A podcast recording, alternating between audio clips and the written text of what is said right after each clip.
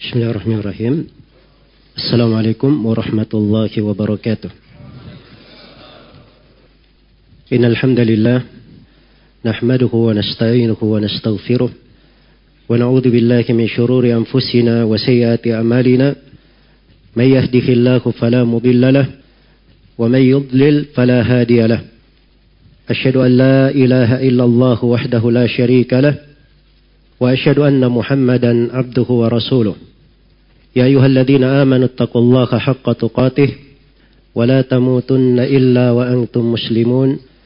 يا أيها الناس اتقوا ربكم الذي خلقكم من نفس واحدة وخلق منها زوجها وبث منهما رجالا كثيرا ونساء واتقوا الله الذي تساءلون به والأرحام إن الله كان عليكم رقيبا. يا أيها الذين آمنوا اتقوا الله وقولوا قولا سديدا. يصلح لكم أعمالكم ويغفر لكم ذنوبكم ومن يطع الله ورسوله فقد فاز فوزا عظيما أما بعد. فإن أصدق الحديث كتاب الله وخير الهدي هدي محمد صلى الله عليه وسلم وشر الأمور محدثاتها فإن كل محدثة بدعة وكل بدعة ضلالة وكل ضلالة في النار. muslimin dan muslimat al-ikhwa wal akhwat hadirin dan hadirat rahimani wa rahimakumullah pembahasan tentang merayakan maulid Nabi kita Nabi Muhammad sallallahu alaihi wasallam adalah pembahasan yang banyak dibahas di belakangan ini. Khususnya sebagaimana yang dikatakan oleh Ibnul Ashur pada abad ke-9 ada yang membolehkan dan ada yang melarang. Dan para ulama belakangan menulis berbagai tulisan di dalam pembahasan ini. Baik itu yang membolehkan maupun yang melarangnya. Dan berbagai fatwa bertebaran, ada yang pendek, ada yang panjang. Dan orang-orang membicarakannya. Hanya saja banyak kesalahpahaman di sana sini. Maka ini mungkin yang perlu kita terangkan pada kesempatan ringkas ini. Saya akan bahas dalam poin-poin yang singkat yang saya harapkan kita semua bisa melihat uraian apa alasan orang yang melarang dan apa alasan yang mereka yang membolehkan serta kita melihat apa sebenarnya hakikat yang dijalani oleh Rasulullah sallallahu alaihi wasallam dan para sahabatnya. Ada banyak pembahasan di sini. Saya bentuk dalam konteks tanya jawab.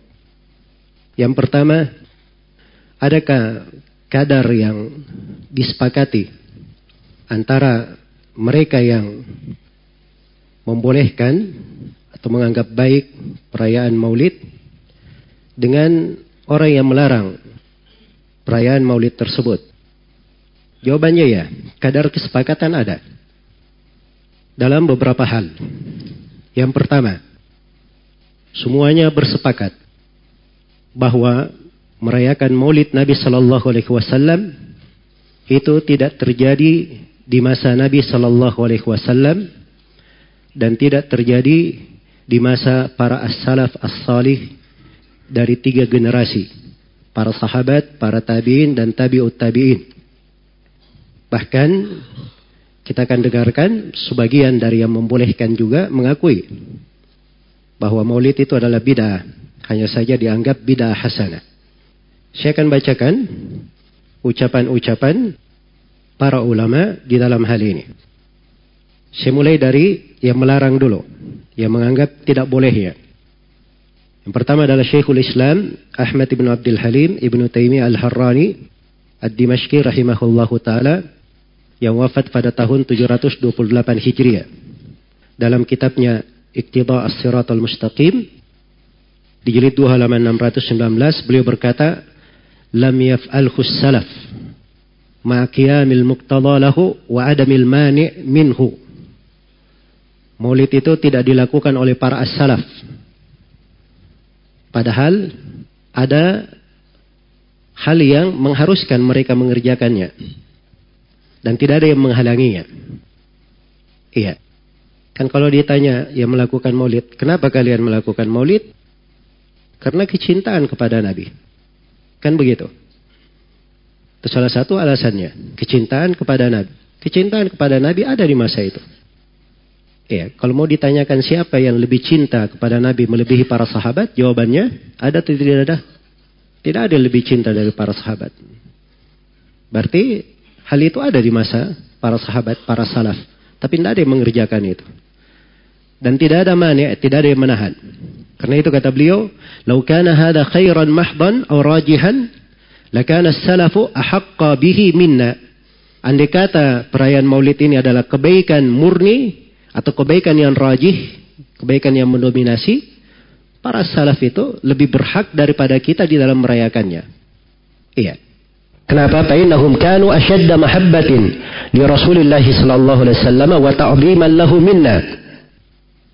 Karena para salaf itu mereka lebih besar cintanya kepada Rasulullah sallallahu alaihi wasallam dan lebih besar pengagungannya kepada Nabi daripada kita. Wahum alal khairi ahras dan terhadap kebaikan mereka lebih bersemangat. Tapi ternyata mereka tidak lakukan. Kenapa?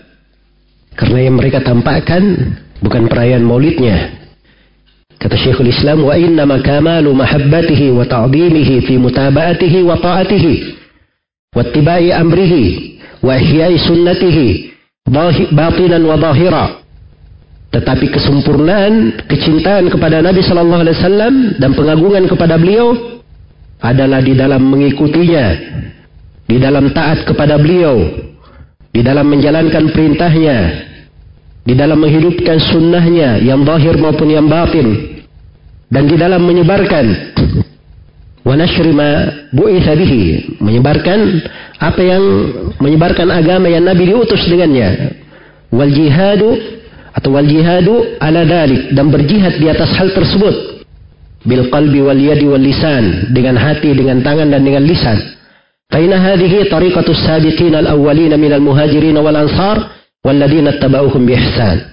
Kata beliau, inilah jalannya orang-orang terdahulu lagi pertama dari kalangan sahabat muhajirin dan al-ansar serta siapa yang mengikuti mereka dengan sangat baik.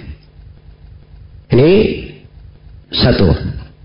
Syekhul Islam Ibn Taimiyah. Yang kedua, Al-Imam Tajiduddin Amr Ibn Salim Al-Lakhmi yang masyhur dengan sebutan Al-Fakihani. Masyhur dengan sebutan Al-Fakihani. Al-Fakihani ini punya kitab tercetak. Judulnya Al-Maurid fi Amalil Maulid. Dan buku beliau ini disebutkan oleh Asyuti rahimahullahu taala secara lengkap di dalam kitab beliau Husnul Maqsid fi Amalil Maulid. Iya, Al-Fakihani berkata apa? Al-Fakihani meninggal pada tahun 734 Hijriah meninggal pada tahun 734 Hijriah. Kata Al-Fakihani, La a'lamu li hadzal maulid aslan fi kitabin wala sunnatin yunqalu amaluhu an ahadin min ulama'il ummah alladhina humul qudwatu fid dini almutamassikuna bi atharil mutaqaddimin bal huwa bid'ah. Kata Al-Fakihani, saya tidak mengetahui ada dasar untuk maulid ini dasar pijakan, dasar dalil yang berasal dari Al-Quran, tidak ada pula dari sunnah, dan tidak pula dinukil pengamalan maulid ini dari seorang pun di kalangan ulama umat. Ulama umat yang merupakan panutan dalam agama yang berpegang dengan jejak-jejak ulama terdahulu. Bahkan dia adalah bid'ah. Baik, ini Al-Fakihani sudah di abad ke-8. Wafatnya tahun 734 Hijriah. Berikutnya, di antara yang menyebutnya sebagai bid'ah tidak ada dari para salaf adalah Al-Allamah Ibnu Al-Hajj rahimahullah. Al-Fakihan ini ulama Malikiyah. Ibnu Al-Hajj juga dari ulama Malikiyah. Dan ucapan Al-Fakihani ini penerapannya tentang pelarangan maulid tidak bolehnya ini dinukil oleh sejumlah ulama Maliki dalam buku-buku mereka di pembahasan fikih. Adapun Ibnul Hajj dalam kitab beliau Al-Madkhal beliau menjelaskan Tain khala. Maksudnya Tain khala minhu. Apabila maulid ini tidak ada di dalamnya as-sama tidak ada di dalamnya dari nyanyian-nyanyiannya orang-orang sufi wa umila ta'aman faqat dan dibuat makanan saja di dalam maulid ini wa amila ta'aman faqat dan orang yang melakukan maulid dia membuat makanan saja. Wa nawa maulid wa da'a ilaihi al-ikhwan wa salima min kulli ma taqaddama dhikruhu dan dia hanya meniatkan maulid dia panggil kawan-kawannya dan selamat perayaan maulidnya dari segala kerusakan yang telah disebutkan. Sebelumnya ada beliau terangkan ya tentang mafasid dari maulid. Maka hukum maulid yang seperti ini apa? Kata beliau, fahuwa bid'atun binafsi niyatihi faqat. Maka dia itu adalah bid'ah dengan niat itu saja. Ya kenapa? Inna dalika ziyadatun fid din laysa min amalis salafil madin. Alasannya karena itu tambahan di dalam agama tidak ada dari amalan para as-salaf yang terdahulu. Wattiba'us salaf awla. Mengikuti as-salaf lebih layak kata beliau. Bal aujab.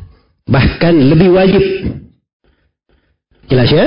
Kata beliau awla mengikuti as-salaf awla. Bal aujabu min ayyazida niyatan mukhalifatan lima kanu alaihi. Bahkan itu lebih wajib Ya, daripada dia menambah niat yang menyelisihi apa yang para salaf berada di atasnya. Nasi ittiba'an li sunnati Rasulillah sallallahu alaihi wasallam wa ta'dhiman lahu wa li sunnatihi. Karena mereka ini para salaf ini manusia yang paling kuat mengikuti sunnah Rasulullah sallallahu alaihi wasallam, yang paling mengagungkannya, mengagungkan Nabi dan mengagungkan sunnahnya. Walahum qadamus sabiq fil mudadarati ila dalik. Dan mereka punya kaki yang sudah lebih dahulu mendahului kita di dalam seluruh hal itu. Walam yungqal an ahadin minhum annahu nawal maulid dan tidak dinukil dari seorang pun dari para salaf ada yang meniatkan maulid. Wa nahnu lahum taba fayas'una ma, yas, ma wasahum. Kata Ibnu Hajj dan kita mengikuti para as-salaf. Dan apa yang lapang bagi mereka yang dianggap bagus oleh mereka, itulah yang lapang bagi kita. Baik. Ini Ibnul Hajj rahimahullahu taala. Yang ketiga, Imam Syaugani. Ya, saya hanya bawakan dari ulama-ulama terdahulu. Dari ulama belakangan, ya, saya tidak terlalu banyak menyebutkan dari ucapan-ucapan mereka seputar maulid ya.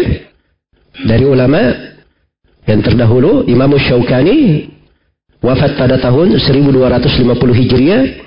Kata beliau, "Lam ajid ilal an dalilan yadullu ala thubutihi min kitabin wala sunnatin wala ijma'in wala kiasin wala istidlal." Kata beliau, sampai sekarang saya tidak ketemukan dalil tentang sabitnya adanya maulid ini. Tidak dari Al-Quran, tidak pula dari sunnah, tidak ada dari kesepakatan ulama, tidak ada dari kias, dan tidak dari sisi pendalilan mana pun. Ya. Dan ini unik ya Imam Syaukani. Karena Imam Syaukani, ini beliau membaca buku-buku para ulama yang menulis tentang apa? Tentang pembolehan maulid. Termasuk buku Asyuti dibaca oleh Asyaukani. Tapi bersama dengan itu beliau menyatakan ini. Kata beliau, bal ajma al-muslimuna annahu lam yujad fi asri khairil qurun walal ladina yalunahum walal ladina yalunahum. Bahkan sepakat kaum muslimin bahwa maulid ini tidak diketemukan di masa generasi yang terbaik yaitu para sahabat dan tidak pula di masa generasi setelah mereka yaitu para tabi'in dan tidak pula diketemukan di masa setelah mereka tabi'ut tabi'in. Kemudian beberapa halaman setelah itu, setelah Syaukani menyebutkan beberapa karya tulis di pembahasan maulid termasuk buku Asyuti. Beliau sebutkan. Dan siapa yang menulis sebelum Asyuti atau di sekitar Asyuti? Iya. Kata Syaukani, "Paminhum man jazama bi adami jawazi." Di antara ulama ada yang memastikan tidak bolehnya maulid. Wa minhum man jawazahu bi syarti alla yashabuhu munkar. Dan di antara ulama ada yang membolehkan maulid. Tapi dengan syarat tidak boleh disertai dengan kemungkaran. Mal i'tiraf bi annahu bid'ah, tapi yang membolehkan mengakui bahwa maulid adalah bid'ah. Iya. Tapi kata Syukani walam ya'ti bi hujjatin aslan. Tapi dia tidak membawa hujjah sama sekali. Baik, satu lagi dari ulama yang tidak membolehkan maulid. Ini dari ulama belakangan ya. Dari ulama Mesir. Iya. Syekh Muhammad bin Abdul Salam Asy-Syukairi dalam kitabnya As-Sunan wal Mubtada'at Al-Muta'alliqah bil Adhkari was Salawat. Kata beliau, "Fattikhadu maulidihi musiman wal ihtifalu bihi bid'atun munkarah, dalalatun lam yarid biha syar'un wala aqlun." Menjadikan maulid beliau kelahiran Nabi sallallahu alaihi wasallam sebagai suatu musim dan dirayakan dengannya itu adalah bid'ah mungkar yang sesat. Tidak ada dalil syariat di dalamnya dan tidak pula dibenarkan oleh akal. Lau kana fi hadha khairun كيف يغفل عنه أبو بكر وعمر وعثمان وعلي وسائر الصحابة والتابعون وتابعوهم والأئمة وأتباعهم Kalau di dalam maulid ini ada kebaikan, bagaimana mungkin lalai dari maulid ini Abu Bakar As-Siddiq, Umar bin Khattab, Uthman bin Affan, Ali bin Abi Talib dan seluruh sahabat serta seluruh tabi'in dan tabi'ut tabi'in para imam dan yang mengikuti para imam. Kok bisa semuanya lalai? Iya. Baik. Kita tidak usah banyak-banyak ya. Saya sebenarnya tidak ingin menyebutkan ucapan ulama yang melarang, yang tidak membolehkan. Sebab kalau dibacakan kata yang membolehkan, ya sebelum kau baca juga saya sudah tahu. Paling namanya itu-itu aja. ya. Tapi ini karena sebagian orang Masya Allah ya pandai dia bikin perbandingan yang membolehkan maulid. Satu, Al-Hafidh Ibnu Hajar. Dua, Asyuti. Ketiga, keempat, yang tidak membolehkan sebagian ulama Saudi Arabia Masya Allah, cuma itu saja yang disebut. Yang nggak adil namanya. Ya. Baik. Sekarang saya bacakan ulama yang tidak membolehkan maulid. Apa ulama yang membolehkan maulid sekarang? Ya. Pertama Asyuti rahimahullah. Asyuti wafat tahun 911 Hijriah. Ya, beda berapa tahun dari Ibnu Taimiyah? Dari Al-Fakihani, hampir 200 tahun. Asyuti Beliau punya pembahasan tentang maulid. Beliau beri nama Husnul Maqsid. Disebutkan di dalam uh, kumpulan fatwa-fatwa yang beliau beri judul dengan nama Al-Hawi Lil Fatawi. Dicetak dua jilid. Ini di pembahasan kitabun nikah di bab walima. Di situ disebutkan pembahasannya. Ya. Asyuyuti berkata, perhatikan. Ucapan Asyuyuti. Bahasanya. Awalu man ahdatha fi'la dalika sahibul irbal al-malikul mudaffar. Awal yang mengada-adakan perbuatan maulid adalah penguasa Irbal Raja Al-Mudaffar. Jadi Asyuti mengakui bahwa maulid ini uhdith diada-adakan. Perhatikan. Dia sendiri mengakui. Yang kedua, dari yang membolehkan maulid Namanya Abu Syamah rahimahullah, penulis kitab Al-Ba'ith ala inkaril bid'ah wal hawadith. Beliau berkata, "Wa min ahsani mabtudiya fi zamanina min hadzal qabil." Kata beliau dari bid'ah yang paling bagus di masa kita. Nah, ini disebut. Ya. Dari bid'ah yang paling apa? Bagus. Jadi sudah akui di bid'ah. Ya. Tapi sayangnya dikasih kata yang paling bagus. Ya. Baik. Kata beliau, maka yuf'al di Madinati Irbal. Apa yang dilakukan di tanah Irbal. Di negeri Irbal. Ini negeri di, berada di, di Mosul. Iya. Jabarah Allah Ta'ala kulla amin fil yomil muafiq li yomi maulidin Nabi Sallallahu Alaihi Wasallam. diadakan di negeri Irbal itu. Ya semoga Allah menguatkan negeri ini. Setiap tahun katanya pada hari yang bertepatan dengan kelahiran Nabi. Dia tidak sebutkan hari apa. Karena ada silam pendapat. Hari kelahiran Nabi itu hari apa. Jelas ya? Diadakan di situ apa? Minas sadaqat dari sedekah-sedekah al-ma'ruf dari perkara yang ma'ruf Idhar zina wasurur ditampakkan dari perhiasan kegembiraan dan seterusnya dari ucapan beliau. Baik, itu yang pertama. Yang kedua, ah, yang, ya, itu yang kedua ya. Yang ketiga, dari yang membolehkan maulid. Ini Imam As-Sakhawi. Ucapan As-Sakhawi, ya, itu di dalam sebuah bukunya. Dia punya buku khusus tentang masalah maulid. Tapi kita menukilnya dari nukilan Ali Qari di dalam bukunya Al-Maurid Ar-Rawi fil Maulidin Nabawi. Ya. Jadi dua di sini, As-Sakhawi dan Ali Qari sebab Ali Qari menukil dalam keadaan apa? Menyetujui ya. Kata As-Sakhawi, aslu amalil Maulid syarif lam yunqal an ahadin min as-salaf salih fil qurun ats-tsalatsah al-fadilah. Wa innama hadatha ba'daha bil maqasid al-hasanah. Asal pelaksanaan maulid Nabi yang mulia, maulid yang mulia, itu tidak dinukil dari seorang pun dari para as-salaf. Di tiga generasi yang utama. Diakui, tidak dinukil. Ya, itu hanya terjadi di masa setelahnya dengan maksud-maksud baik dari orang-orang yang mengerjakannya. Jelas ya? Jadi beliau akui bahwa maulid ini Ya, tidak ada dinukil dari seorang pun dari para salaf di tiga generasi pertama. Baik, yang keempat dari yang membolehkan maulid. Ya. Muhammad Alawi Al-Maliki. Ya, ini bahasa Arabnya begitu ya. Kalau orang Indonesia sebutnya Muhammad Alwi Al-Maliki. Dia punya buku namanya Haul al-Ihtifal bil Maulid. Haul al-Ihtifal bil Maulid. Meninggalnya belum lama.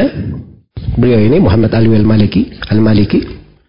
Di dalam buku ini beliau katakan, "Fal ihtimalu bil maulid walam yakun fi ahdihi wa illam yakun fi ahdihi sallallahu alaihi wasallam fahuwa bid'atun."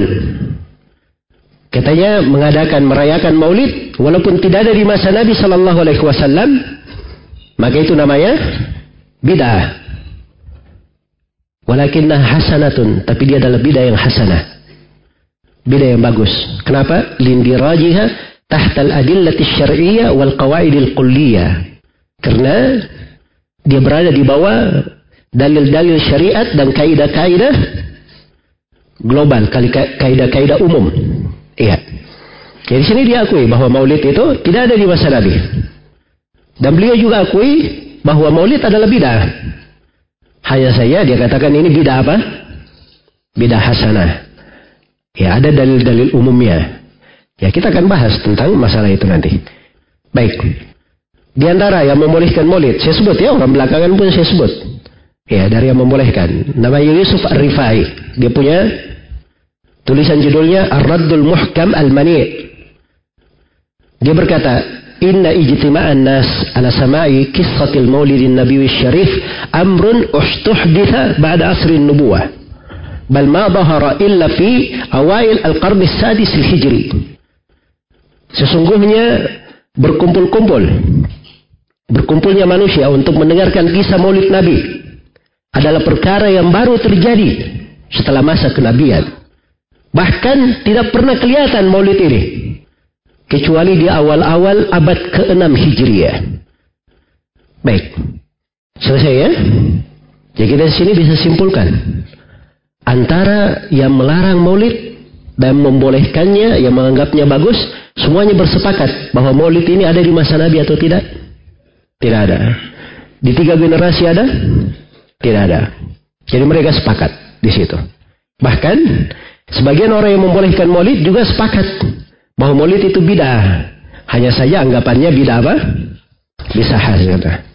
Ya, ini kesepakatan yang pertama antara yang membolehkan dan yang melarang. Baik, hal yang kedua yang disepakati antara yang melarang perayaan Maulid dan yang membolehkan adalah keduanya membangun pendapat mereka di atas kecintaan kepada Rasulullah Sallallahu Alaihi Wasallam. Iya. Yang melarang mereka ingin menerapkan ayat Al-Quran. Karena bukti kecintaan adalah dengan mengikuti Nabi Sallallahu Alaihi Wasallam. Kul in kuntum tuhibbun Allah fattabi'uni yuhibbukum Allah wa yaghfir lakum dunubakum. Katakanlah kalau memang kalian cinta kepada Allah, ikutilah saya. Itu bukti kecintaan dengan mengikuti jejak Nabi Sallallahu Alaihi Wasallam. Jadi kecintaannya kepada Nabi, penjagaannya terhadap sunnahnya, terhadap syariatnya, ini yang mendorong mereka untuk hal tersebut. Ya sebagaimana orang yang membolehkan maulid, mereka juga beralasan karena kecintaannya kepada Rasulullah Sallallahu Alaihi Wasallam. Ya, cinta ingin mengingat tentang hari-hari kehidupannya, cinta ingin berselawat kepada Nabi Sallallahu Alaihi Wasallam, cinta untuk memberi apa namanya makanan kepada orang-orang yang perlu, ya dan seterusnya.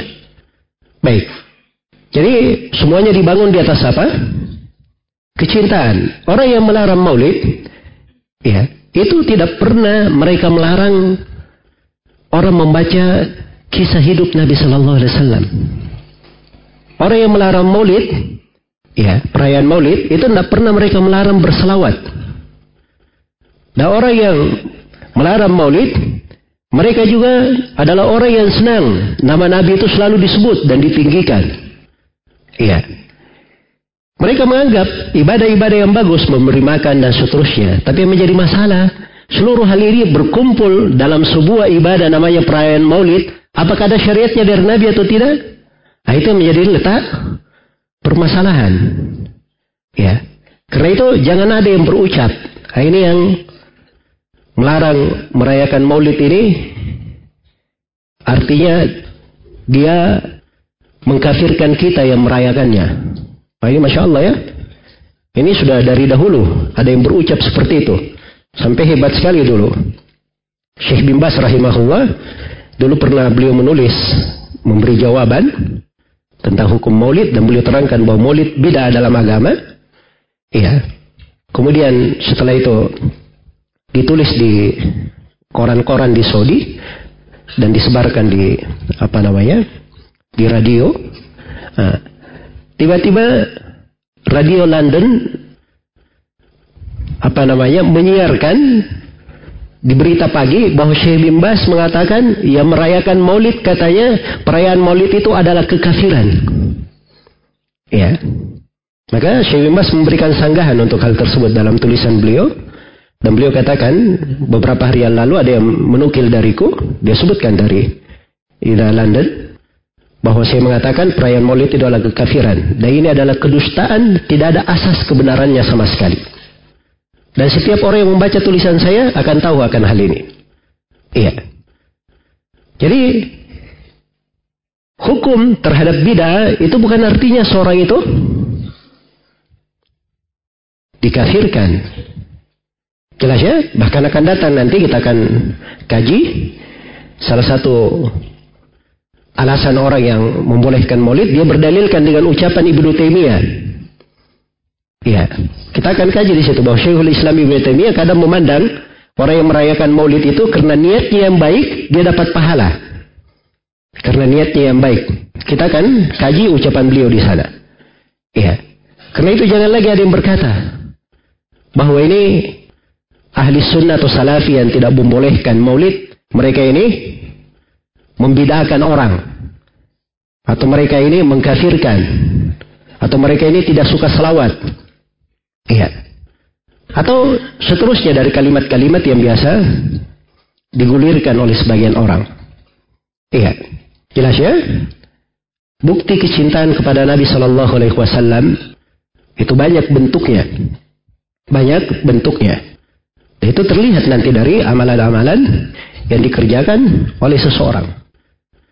Ya, kemudian dari urian ini juga jangan ada yang berkata ya bahwa ini yang membolehkan, yang tidak membolehkan maulid ini Yang membolehkan maulid, Masya Allah. Pertama, Al-Hafidh Ibnu Hajar. Ya. Suyuti, berapa hadith mereka hafal? Ya. Sekian ratus ribu hadith. Ini yang tidak membolehkan siapa? Cuma hafal tiga hadith. Itu pun katanya cuma dari laptop. Kalau baterainya habis sudah. Ya. Nah ini kalimat-kalimat tidak bagus. Ya. Tidak layak di dalam pembahasan ilmiah. Orang harusnya membawakan fakta yang baik. Ya kalau kita pinjam ucapan si pembicara itu tadi, si pembicara pernah berkata, jangan ada dusta di antara kita. Ya, dan itu bagus ya, jangan ada dusta di antara kita. Baik. Berikutnya, di sini akan muncul pertanyaan. Setelah kita masuk ke pendahuluan ini akan muncul pertanyaan. Ini perayaan Maulid, kan kelahiran Nabi sallallahu alaihi wasallam. Baik, Nabi sallallahu alaihi wasallam yang merupakan pemimpin anak Adam, Sayyidul Anbiya wal Mursalin. Kapankah beliau dilahirkan? Ya, kalau yang populer setiap tahunnya dirayakan tanggal berapa? Tanggal 12 bulan 3. Ya, bulan 3 itu namanya Robi al-Awwal. Kan begitu? Ya. Dan ini memang mayoritasnya seperti itu, tapi ini bukan kesepakatan ulama. Bukan kesepakatan ulama. Ada perbedaan pendapat dalam hari apa dilahirkan, tanggalnya. Bahkan ada perbedaan pendapat dalam bulannya. Di antara ulama ada yang berkata Nabi Wasallam dilahirkan tanggal 2 Rabiul Awal. Ada yang mengatakan tanggal 8. Ada yang mengatakan tanggal 10. Ada yang mengatakan tanggal 12. Ada yang mengatakan tanggal 17. Dari Rabiul Awal. Ya. Dan ada yang mengatakan bukan di Rabiul Awal. Malah di bulan Ramadan.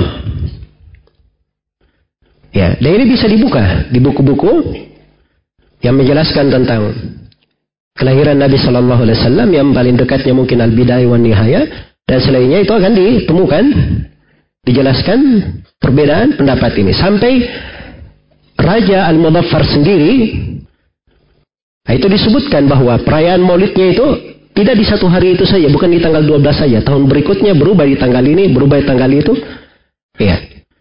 Bahkan untuk keluar dari celah ini ada sebagian mengatakan maulid itu nggak mesti tanggal 12. Dia boleh berpindah di tempat lain. Nah ini untuk keluar dari masalah ini. Baik. Sekarang yang menjadi permasalahan, sesuatu kalau memang itu sangat penting, tidak mungkin hal tersebut tidak tercatat. Di dalam apa? Di dalam sejarah kan begitu.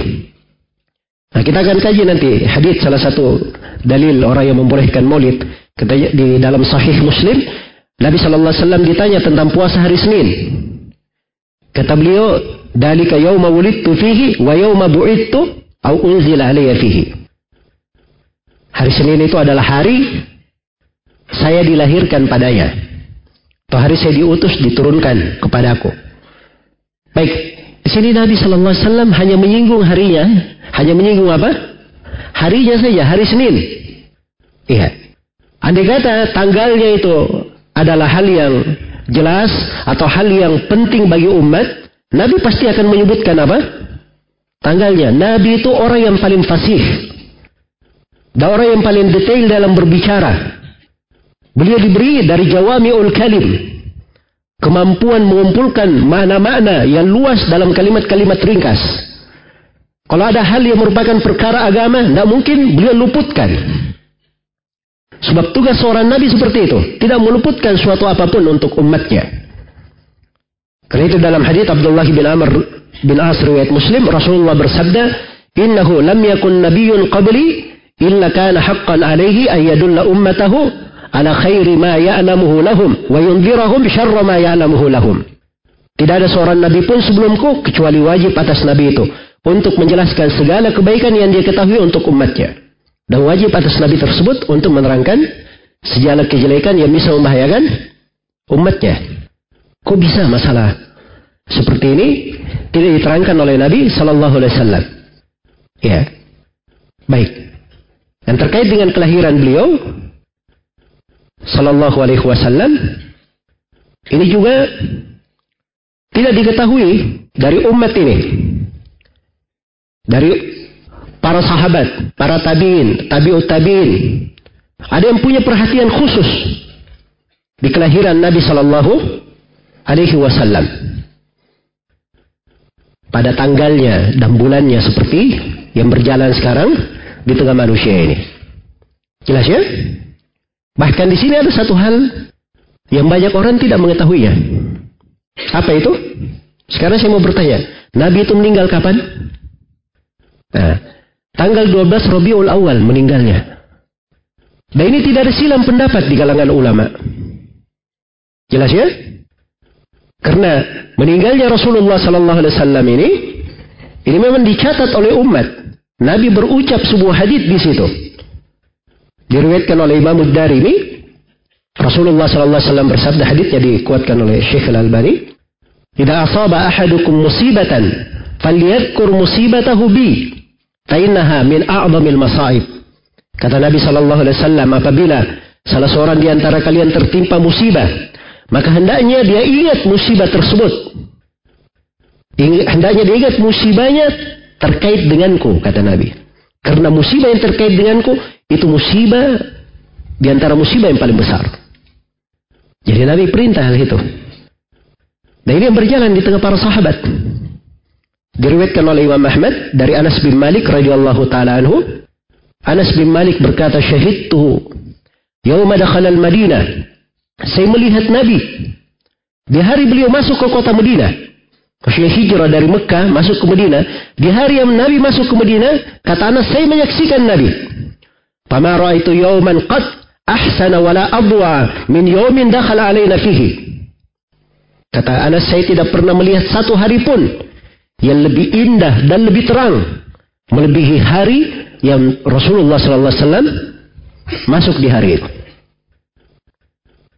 Tapi bersamaan dengan itu juga dia dicatat. Hari Nabi menginjakkan kakinya di kota Madinah tiba dari Mekah berhijrah ke Madinah tanggal berapa di bulan berapa itu juga ada silam mendapat di kalangan ulama. Ada kata hal yang sangat penting ini tidak akan ditelantarkan oleh umat yang begini kan. Jelas ya? Kemudian kata Anas, wa yawma mautihi dan saya juga menyaksikan Nabi tatkala beliau meninggal. Fama ra'aitu yawman akbaha wala adlama min yawmin mata fihi sallallahu alaihi wasallam. Saya lihat di hari beliau meninggal, saya tidak melihat ada hari yang lebih buruk, lebih gelap melebihi hari yang Rasulullah sallallahu alaihi wasallam meninggal di situ.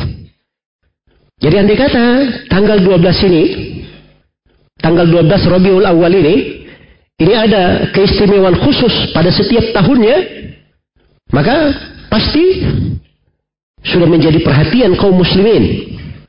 Sudah menjadi apa? Perhatian kaum muslimin. Tidak mungkin hal-hal yang seperti ini ditinggalkan, ditelantarkan, sampai dilalaikan. Bayangkan tiga generasi. Semuanya lalai, tidak ada yang mengurusinya. Tiba-tiba data yang belakangan dia menganggap dirinya lebih pandai daripada yang pertama. Ya.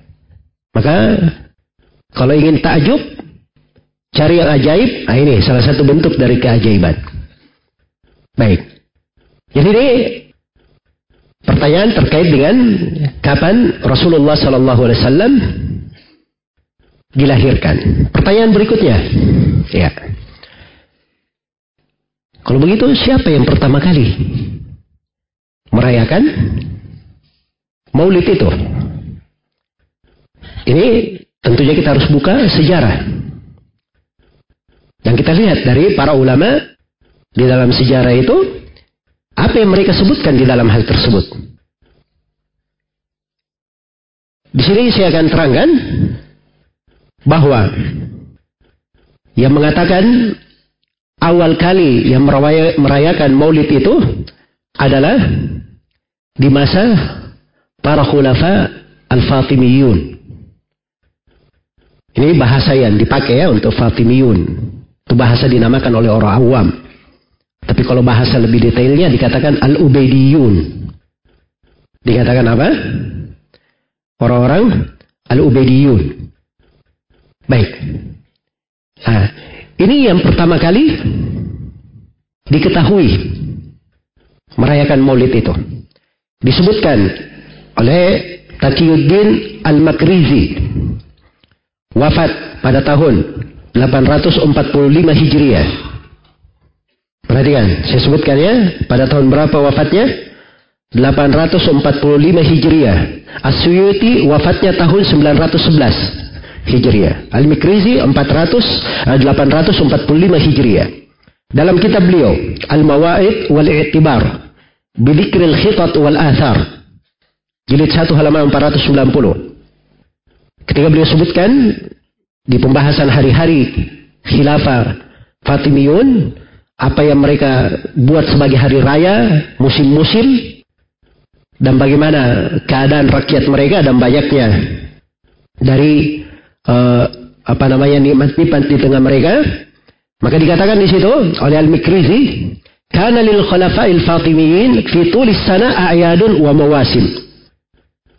Adalah para khalifah Ubaidiyin ini orang-orang Fatimin ini sepanjang tahun mereka punya beberapa hari Id dan punya beberapa perayaan ada namanya musim kepala tahun, pokok tahun. Ada namanya musim awal tahun.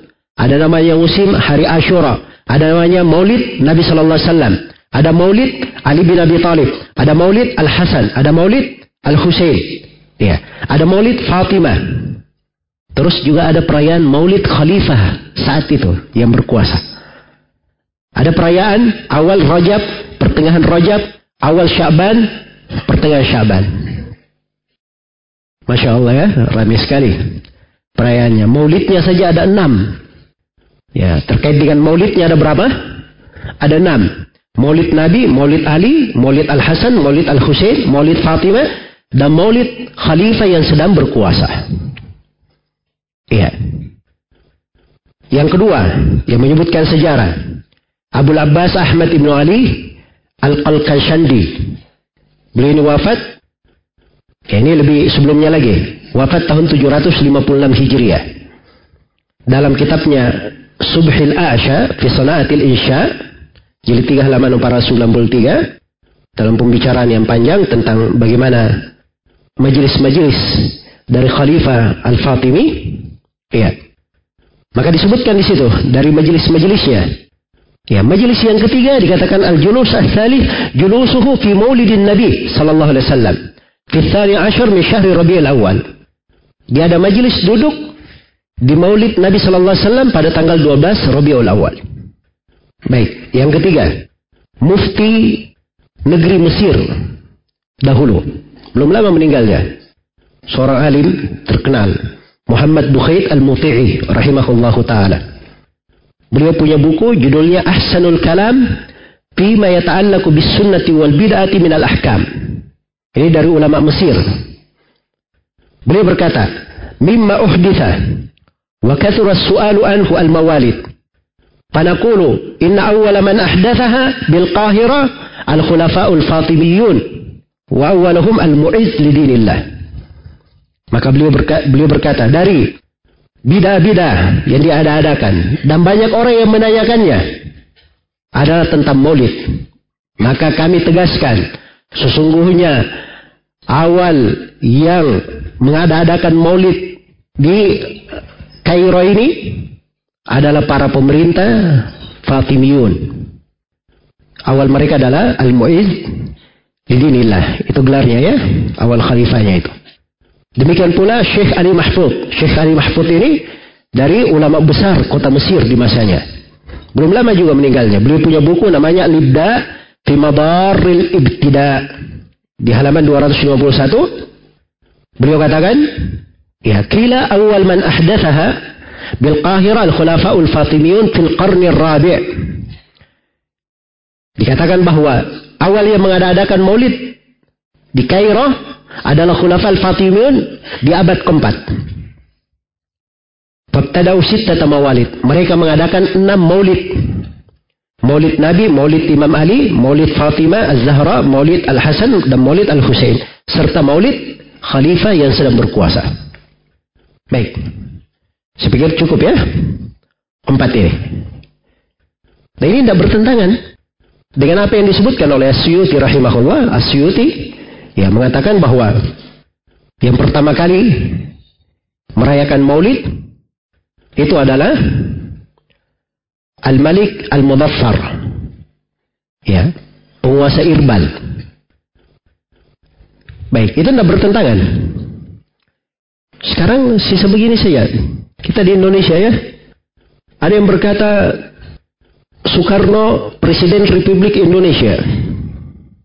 Kan begitu? Datang belakangan Pak Joko Widodo adalah Presiden Republik Indonesia. Kan sama-sama presiden. Ya.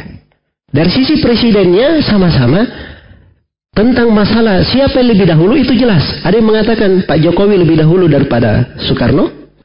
Hah? Tidak ada yang akan berkata seperti itu. Jangan ada yang di masa sekarang ini, oh tidak benar itu. Masa Soekarno presiden pertama Indonesia. Yang benarnya yang pertama adalah Pak Jokowi, karena dia presiden. Ya sama itu tadi. Ini sama-sama bikin maulid. Ya, sama-sama dengan bikin maulid itu bersepakat namanya. Yang mana yang duluan lahir, lihat aja tanggal lahirnya. Berarti yang belakangan ikut yang pertama kan begitu. Ya. Nah sekarang muncul pertanyaan. Kenapa sebagian orang ya sangat ngotot sekali. Jangan sebut bahwa ini dilakukan oleh pemerintah Al-Fatimiyun yang pertama kali mengadakan maulid. Kenapa dia tidak mau sama sekali disebutkan ke sana? Nah, itu ada sebabnya. Saya akan berikan sebabnya.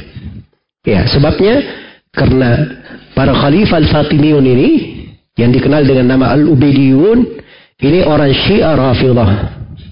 Ya. Dari orang-orang yang dikenal dengan kezaliman, kefasikan, kefajiran. Ya, bida ada mungkarat bahkan lebih daripada itu. Asyuti sendiri rahimahullah. Asyuti sendiri. Beliau di dalam kitabnya Tarikh Al-Khulafa beliau berkata, saya sengaja tidak menyebut seorang pun dari nama Khalifah Fatimiyin di sini dari Bani Ubaid. Saya tidak sebut di dalam buku ini. Padahal dia punya buku namanya Tarikh Al-Khulafa, sejarah para khalifah. Harusnya kan Khalifah Al-Ubaidiyin juga disebut, tapi Asyuti terangkan. Kenapa dia tidak sebut? Karena keimaman mereka tidak syah. Karena keimaman mereka apa? Tidak syah. Jadi ini saya tidak usah baca terusannya ya. Kenapa? Cukup bahwa mereka ini sangat buruk sekali di pandangan para ulama. Iya. Karena itu mereka kadang ingin menutupi hal ini sebabnya oh jangan sampai dikatakan kita ini ikut orang-orang Syiah Rafidah ternyata yang duluan melakukannya dari kalangan Fatimiyun ini. Jelas ya? Baik. Selesai sudah pembahasan tentang siapa yang pertama melakukan maulid ini. Pembahasan berikutnya. Muncul pertanyaan di sini. Ya, setelah kita ketahui tentang apa yang disepakati antara orang yang membolehkan dan tidak membolehkan. Ya, muncul pertanyaan di mana sebenarnya letak permasalahan antara yang membolehkan dan tidak memperbolehkan. Yang membolehkan maulid dan yang melarangnya sebenarnya letak yang mereka bahas itu di mana? Letak yang mereka permasalahkan itu apa? Ya. Ini yang perlu dijelaskan dengan baik. Dan sebenarnya dari apa yang telah kita terangkan, itu sudah kelihatan ya. Sebab semua orang yang membolehkannya, semua orang yang membolehkan maulid, itu dia syaratkan di dalam maulid itu tidak boleh ada apa? Ada kemungkaran. Ya. Jadi bagi mereka maulid itu isinya adalah bersalawat kepada Nabi Sallallahu Alaihi Wasallam, ya, menyebut dari sirah Nabi Sallallahu Alaihi Wasallam, kadang dibacakan dari qasidah pujian-pujian memuji Nabi Sallallahu Alaihi Wasallam. Ya, kemudian di dalam maulid itu ada memberi makan. Ya. Adapun kalau ada kemungkaran, maka ulama-ulama yang membolehkan maulid itu mencelanya. Tidak memperbolehkannya. Termasuk Imam Suyuti rahimahullahu ta'ala. Dan Ibnul Hajj sendiri sudah menerangkan tentang kemungkaran-kemungkaran itu kayak bagaimana. Di dalam perayaan maulid tersebut. Jadi kalau ada kemungkarannya itu mereka ingkari. Sampai kita di Indonesia juga itu adalah hal yang dimaklumi ya. Sampai Syekh eh, Muhammad Hashim Al-Asy'ari rahimahullahu taala pendiri NU itu beliau punya buku judulnya At-Tambihat Al-Wajibat liman yasnaul maulid bil munkarat. Artinya peringatan-peringatan yang wajib terhadap siapa yang merayakan maulid dengan kemungkaran. Maka beliau terangkan apa saja kemungkaran-kemungkaran itu yang tidak boleh di situ. Bercampur baur laki-laki perempuan. Hah? Bercampur baur laki-laki perempuan. Ini beliau ingkari. Ya. Jelas ya? Kemudian disertai dengan musik di dalamnya, joget-joget. Ya. Nah, ini kemungkaran-kemungkaran disepakati oleh ulama, tidak diperbolehkan. Ya. Apalagi kalau di dalamnya terdapat dari kesyirikan-kesyirikan, keyakinan-keyakinan yang batil. Misalnya meyakini bahwa Nabi Shallallahu Alaihi Wasallam hadir pada saat maulid tersebut. Nah itu ada yang meyakini seperti itu. Ya, sampai ada sebagian ulama berkata tentang kelompok Tijani, kelompok Tijani ini, masya Allah selalu mereka berkata bahwa Nabi itu hadir bersama kita. Jadi ada yang berkata, masya Allah, repot sekali Nabi dari kota Medina datang ke ke Maroko untuk hadir bersama kalian. Ya, betapa jauh perjalanan Nabi itu hadir bersama kalian. Baik. Jadi ini keyakinan-keyakinan batil yang seperti ini, ini jelas tidak diperbolehkan. Adalah kemungkaran. Ya. Jadi kalau dalam maulid misalnya dibacakan qasidah al-burda, ini adalah kemungkaran. Dalam qasidah al-burda itu ada syair-syair yang sangat tidak layak sekali. Berlebihan terhadap kedudukan Nabi Shallallahu Alaihi Wasallam. Ya, seperti ucapan Al-Busiri, Ya akramal khalqi, mali man aludu bihi, siwaka inda hululil hadithil amami. Ya. Qasidal Burga ini dari lantunan syair-syair bagus ya. Apa namanya?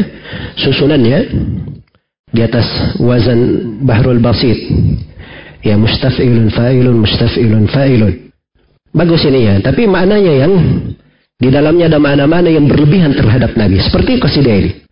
Ya, dia berkata kepada Nabi, "Wahai makhluk yang paling mulia, saya tidak memiliki tempat berlindung selain daripada engkau."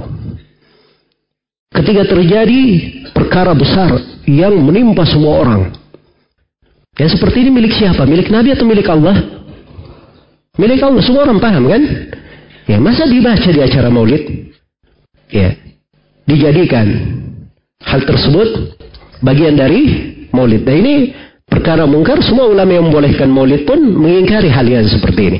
Baik, jadi kalau begitu, yang dipermasalahkan, ya, yang menjadi pembahasan di dalam pembahasan maulid ini, itu di sudut yang mana? Jawabannya itu di pembahasan maulid yang lepas dari kemungkaran itu tadi. Ah, maulid yang tidak ada kemungkaran yang seperti itu, yang hanya ada di dalamnya berselawat kepada Nabi, mengingat dari sirah Nabi, kemudian membaca dari uh, kasidah-kasidah yang bagus, kemudian memberi makan kepada orang-orang miskin. Ya ini dari hal-hal yang bagus ini berkumpul sebagai maulid, ah, ini yang menjadi letak pembahasan. Itulah terbagi dua. Ada yang membolehkan dan ada yang tidak membolehkannya. Jadi kita sudah mulai masuk kepada inti pembahasan di dalam masalah ini.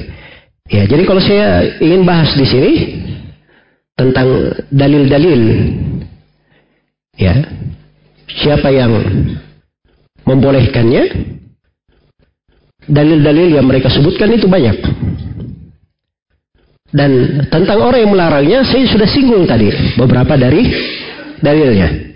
Dan saya tidak mau uh, terangkan secara khusus dalil mereka yang tidak membolehkan satu, dua, tiga, empat dan seterusnya. Karena ini pembahasan kita ringkas.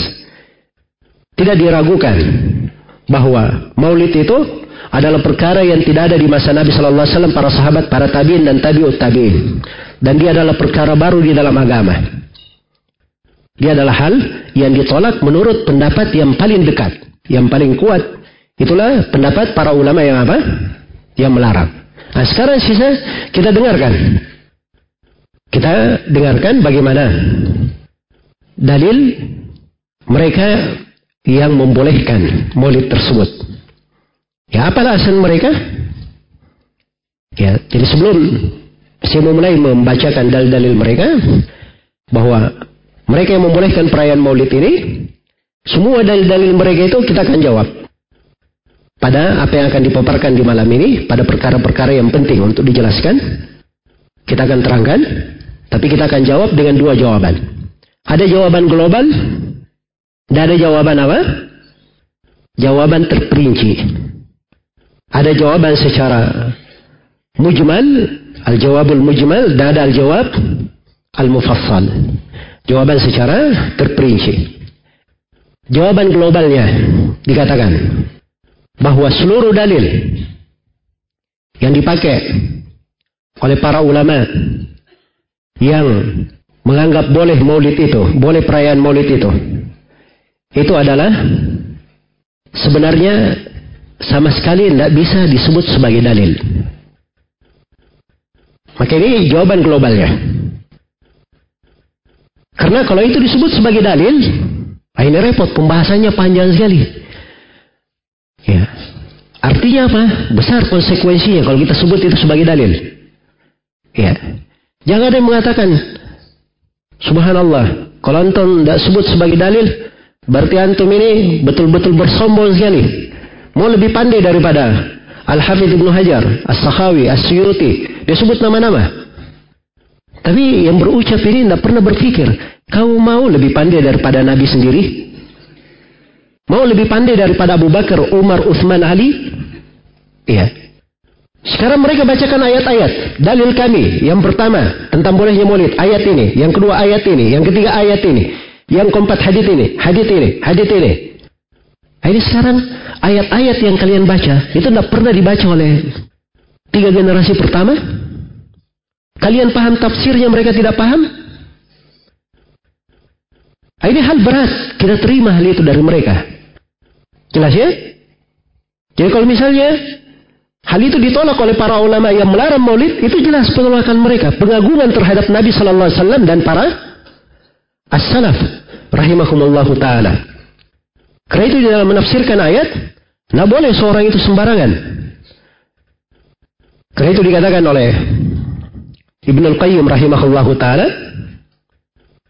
mengadakan penafsiran tentang kitab Allah yang para salaf dan para a'immah menyelisih penafsiran tersebut ini membawa dua konsekuensi. Konsekuensi yang pertama, penafsiran itu pasti salah. Ya. Dan konsekuensi yang kedua, berarti para salaf itu yang menyelisihinya itu pasti salah. Jelas ya? Hanya ada dua. Sekarang kalau ada yang menafsirkan, dia baca misalnya ayat, Wadakirhum bi ayyamillah. Masya Allah. Kadang ada yang pembahasan maulid bawakan ayat ini, cakep sekali suaranya membaca. Hah? Ingatkanlah mereka dengan hari-hari Allah. Di antara hari-hari Allah adalah apa? Hari-hari Allah itu nikmat-nikmat Allah katanya. Dan di antara nikmat Allah yang paling besar adalah siapa? Lahirnya Nabi Muhammad sallallahu alaihi wasallam. Kenapa kita tidak merayakannya? Ada lagi yang membacakan ayat tentang Nabi Isa alaihi salam di surah As-Saff. Wa mubasysyiran bi rasuli ya'ti min ba'di ismuhu Ahmad, memberi kabar gembira seorang rasul yang datang setelahku namanya Ahmad. Tidakkah kita bergembira dengan datanya? Nabi Muhammad. Nabi Isa saja memberi kabar gembira kepada umatnya. Ini sekarang bilang aja ini ayat-ayat tidak pernah dibaca oleh para sahabat Rasulullah Wasallam. Kok mereka tidak ada yang berdalilkan dengan ayat-ayat itu tentang perayaan Maulid? Jelas ya? Jadi hanya ada dua kemungkinan. Ucapan kalian benar atau para sahabat yang salah. Iya. Tidak mungkin ada yang berkata mereka benar. Dan saya tidak menyangka. Ada orang yang mengatakan bahwa dirinya benar. Dia salahkan para salaf. Baik. Jadi ini perkara penting ya di dalam penafsiran. Ya. Dari kaidah berjalan di tengah para ulama rahimahumullahu taala. Kata Al-Imam Al-Hafidh Ibnu Abdul Hadi di dalam kitabnya Saril Munki fi Raddi ala Subuki. Kata beliau, "Wala yajuzu ihdatsu ta'wilin fi ayatin aw sunnatin lam yakun ala ahdi salaf." Wala arafuhu wala bayyanuhu lil ummah. Tidak boleh sama sekali mengada-adakan penafsiran terhadap sebuah ayat atau terhadap sebuah sunnah yang tidak pernah ada di masa para as-salaf. Dan mereka tidak mengetahuinya. Dan mereka tidak menjelaskannya kepada umat. Mereka tidak menjelaskannya kepada umat. Ini kalimatnya detail ya. Iya. Jadi tidak ada di masa salaf, mereka tidak tahu dan mereka tidak pernah jelaskan. Mungkin saja dia berkata, oh mereka tahu tapi tidak mereka jelaskan. Tidak. Ya, kalau mereka tahu pasti mereka jelaskan. Masa mereka menyembunyikan mana ayat? Tidak mungkin. Jelas ya? Jadi kalau misalnya ayat itu ada, wadakirhum biayyamillah itu artinya perayaan maulid, mereka pasti sebut. Sama dengan ayat qul bifadlillahi wa birahmati fabidzalika falyafrahu. Katakanlah dengan keutamaan Allah dan dengan rahmatnya. Hendaknya dengan itu bergembira. Ternyata para ulama, as-salaf mereka ada penafsiran terhadap ayat-ayat itu semua. Tidak ada sama sekali yang mengucapkan, menghubungkannya dengan apa?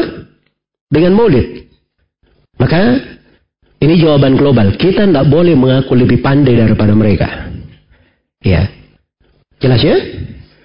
Dan tidak boleh ada yang berbuat seperti itu. Karena itu dari jalannya para as-salaf rahimahumullah taala mereka itu betul-betul komitmen sebagaimana datangnya perintah. Ya. Di pernah ada dalam riwayat Abu Daud kata Mujahid saya bersama Ibnu Umar maka seorang lelaki di sholat duhur atau sholat asar dia melakukan taswib berada di mana di pintu-pintu masjid memanggil sholat-sholat. Dia di pintu masjid. Dia panggil orang sholat-sholat. Apa kata Ibnu Umar? Ayo kita keluar. Aina hadhihi bid'ah. Sungguhnya ini adalah bid'ah. Ya perhatikan bagaimana tanggapan mereka terhadap hal-hal yang seperti itu. Ya jadi pakai dalil-dalil umum. Repot ya kalau seorang memakai dalil-dalil mencocoki syariat itu dia harus mencocoki yang dikatakan mencocoki syariat itu pada enam hal. Iya. Mencocoki pada sebabnya, pada jenisnya, pada kefiatnya, pada bentuknya, pada waktunya dan pada tempatnya. Enam. Mencocoki syariat. Iya. Itu harus dilihat syariat pada enam hal ini. Jangan keluar darinya. Ya. Jadi kalau misalnya ada yang berkata, tidak apa-apa saya sholat duhur. Setelah sholat subuh, saya sambung saja sholat duhur. Daripada saya ketiduran, ya, saya sambung saja. Ini boleh atau tidak? Hah? Tidak boleh. Kenapa? Karena ini tidak mencocoki tempat. Kalau ada yang menambah sholat duhur jadi enam rakaat, Hah? Boleh atau tidak? Tidak boleh. Semuanya berkata tidak boleh. Kenapa? Karena Nabi hanya menuntunkan empat rakaat. Iya. Kalau misalnya ada yang berakikah, ada yang berakikah dengan menyembelih unta. Bagaimana? Boleh atau tidak? Tidak boleh. Akikah itu dengan kambing. Walaupun unta lebih mahal, tidak bisa. Tidak syah. Hanya dengan kambing saja yang syah. Jelas sampai sini? Baik. Jadi di pintu ditutup di dalam agama. Karena itu diriwayatkan oleh Imam Ad-Darimi dengan sanad yang sahih. Awal bid'ah amali yang terjadi di Kufa. Orang yang duduk di masjid itu. Berdikir. Bertahlil, bertasbih, bertakbir. Ya. Ibnu Mas'ud mengingkarinya. Beliau berkata kepada orang-orang yang duduk itu. Betapa kasihannya kalian wahai umat Nabi Muhammad. Ini pakaian Nabi kalian. Belum lagi usang, bejananya belum lagi pecah. Maksudnya belum belum lagi belum lama meninggal.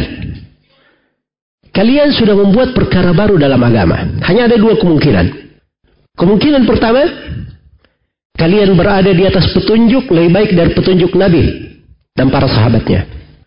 Dan kemungkinan yang kedua, kalian ini muftatihu babi dalalah. Orang yang membuka pintu kesesatan. Hanya ada dua kemungkinan. Jelas ya? Karena itu, ibadah ini, pintu ibadah itu datangnya dari Allah subhanahu wa ta'ala. Ya, dia yang mensyariatkan. Sampai kepada kita melalui perantara Rasulullah sallallahu alaihi wasallam. Maka jangan ada yang mengada-adakan sesuatu ibadah di dalam agama ini tanpa ada petunjuk dari Nabi Shallallahu Alaihi Wasallam. Iya. Maka ini kaidah yang sangat penting di dalam beragama. Dan ini jawaban global untuk semua alasan orang-orang yang mengatakan maulid itu apa? Adalah dibolehkan. Iya. Jadi umumnya mereka mengatakan dibolehkan. Tidak ada masalah. Ya, kalau ada yang agak ini dia katakan istihbab. Ya.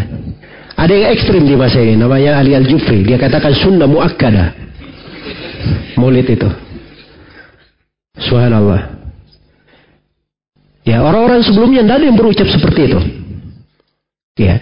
Tapi ini perhatikan ya, kecintaan kepada hal-hal yang seperti itu membuka Seorang masuk bergampangan jatuh di dalam kekeliruan, kesalahan, akhirnya melakukan hal-hal yang kadang tidak pernah tergambar. Baik. Jadi ini dasar pertama ya. Dan dibalungi di dalam agama kita tentang tidak bolehnya membuat perkara-perkara agama, perkara-perkara baru. Kewajiban kita adalah mengikuti, menapaki. Sebagaimana firman Allah, "Wa anna hada sirati mustaqiman fattabi'u wa la tattabi'us subul fatafarraqu bikum an sabili." Sungguhnya inilah jalanku yang lurus. Ikuti jalan itu. Jangan kalian ikuti jalan-jalan yang lain. Sehingga memecah belah kalian dari jalan Allah subhanahu wa ta'ala. Kata Mujahid, as-subul. Di sini bidah-bidah dan syubhat-syubhat. Tinggalkan jalan-jalan itu. Ikuti jalan yang lurus saya. Ya, digariskan oleh Nabi sallallahu alaihi wasallam. Kata beliau, "Man ahdatha fi amrina hada ma laysa minhu fahuwa raddun." Siapa yang mengadakan perkara baru di dalam agama kami ini, apa yang bukan darinya, maka itu adalah tertolak. Hadits Aisyah riwayat Bukhari Muslim. Dalam riwayat Muslimnya, beliau bersabda, "Man amila amalan laisa alihi amruna fahuwa raddun." Siapa yang beramal dengan sebuah amalan tidak dibangun di atas perkara kami, maka itu adalah tertolak. Dan di Sahih Muslim, Nabi setiap Jumat beliau berkata, "Inna khairal hadithi kitabullah." Sebaik-baik pembicaraan adalah kitab Allah. Wa khairal hadi hadi Muhammadin sallallahu alaihi wasallam. Sebaik-baik petunjuk adalah petunjuk Nabi Muhammad sallallahu alaihi wasallam wa syarral umuri muhdatsatuha. Sejelek-jelek perkara adalah yang diada-adakan. Wa kullu bid'atin dhalalah. Setiap bid'ah adalah sesat. Dalam riwayat An-Nasai ada tambahannya wa kullu dhalalatin finnar. Setiap yang sesat tempatnya di dalam neraka. Di dalam hadis Irbat ibn Sariyah, riwayat Abu Daud dan Tirmidzi, Rasulullah sallallahu alaihi wasallam bersabda dalam wejangan beliau yang masyhur, Kata beliau, فَإِنَّهُ مَنْ يَعِشْ مِنْكُمْ فَسَيَرَ اخْتِلَافًا كَثِيرًا فَعَلَيْكُمْ بِسُنَّتِي وَسُنَّةِ الْخُلَفَاءِ الرَّاشِدِينَ المهديين من بعدي تمسكوا بها عضوا عليها بالنواجذ وإياكم ومحدثات الأمور فإن كل محدثة بدعة Wa kulla bid'atin dalalah. Sungguhnya siapa di antara kalian yang hidup setelahku, maka dia akan melihat perselisihan pendapat yang banyak. Hendaknya kalian berpegang dengan sunnahku dan sunnah para khulafa ar-rasyidin yang mendapat petunjuk setelahku. Gigitlah sunnah itu. Dengan, uh, peganglah dengan kuat, gigitlah dengan gigi geraham kalian. Ya, gigi geraham itu yang paling kuat ya. Dari gigi. Disuruh menggigitnya dengan kuat. Dan hati-hati kalian dari perkara baru. Sebab setiap perkara baru adalah beda dan setiap beda adalah apa? Adalah kesesatan. Baik, maka ini dasar-dasar penting di dalam agama kita dan Nabi Shallallahu Alaihi Wasallam menjelaskannya di dalam banyak kesempatan supaya umat ini menekuni. Ya, jangan ada yang membuat perkara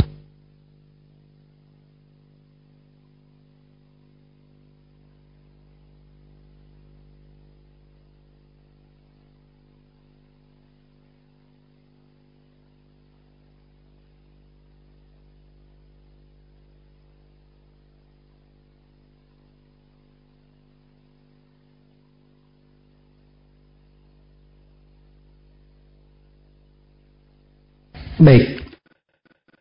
Saya tidak bacakan di sini ya dari ucapan-ucapan para imam terkait dengan kewajiban berpegang dengan agama dan tidak boleh ada yang membuat jalan sendiri dalam beragama.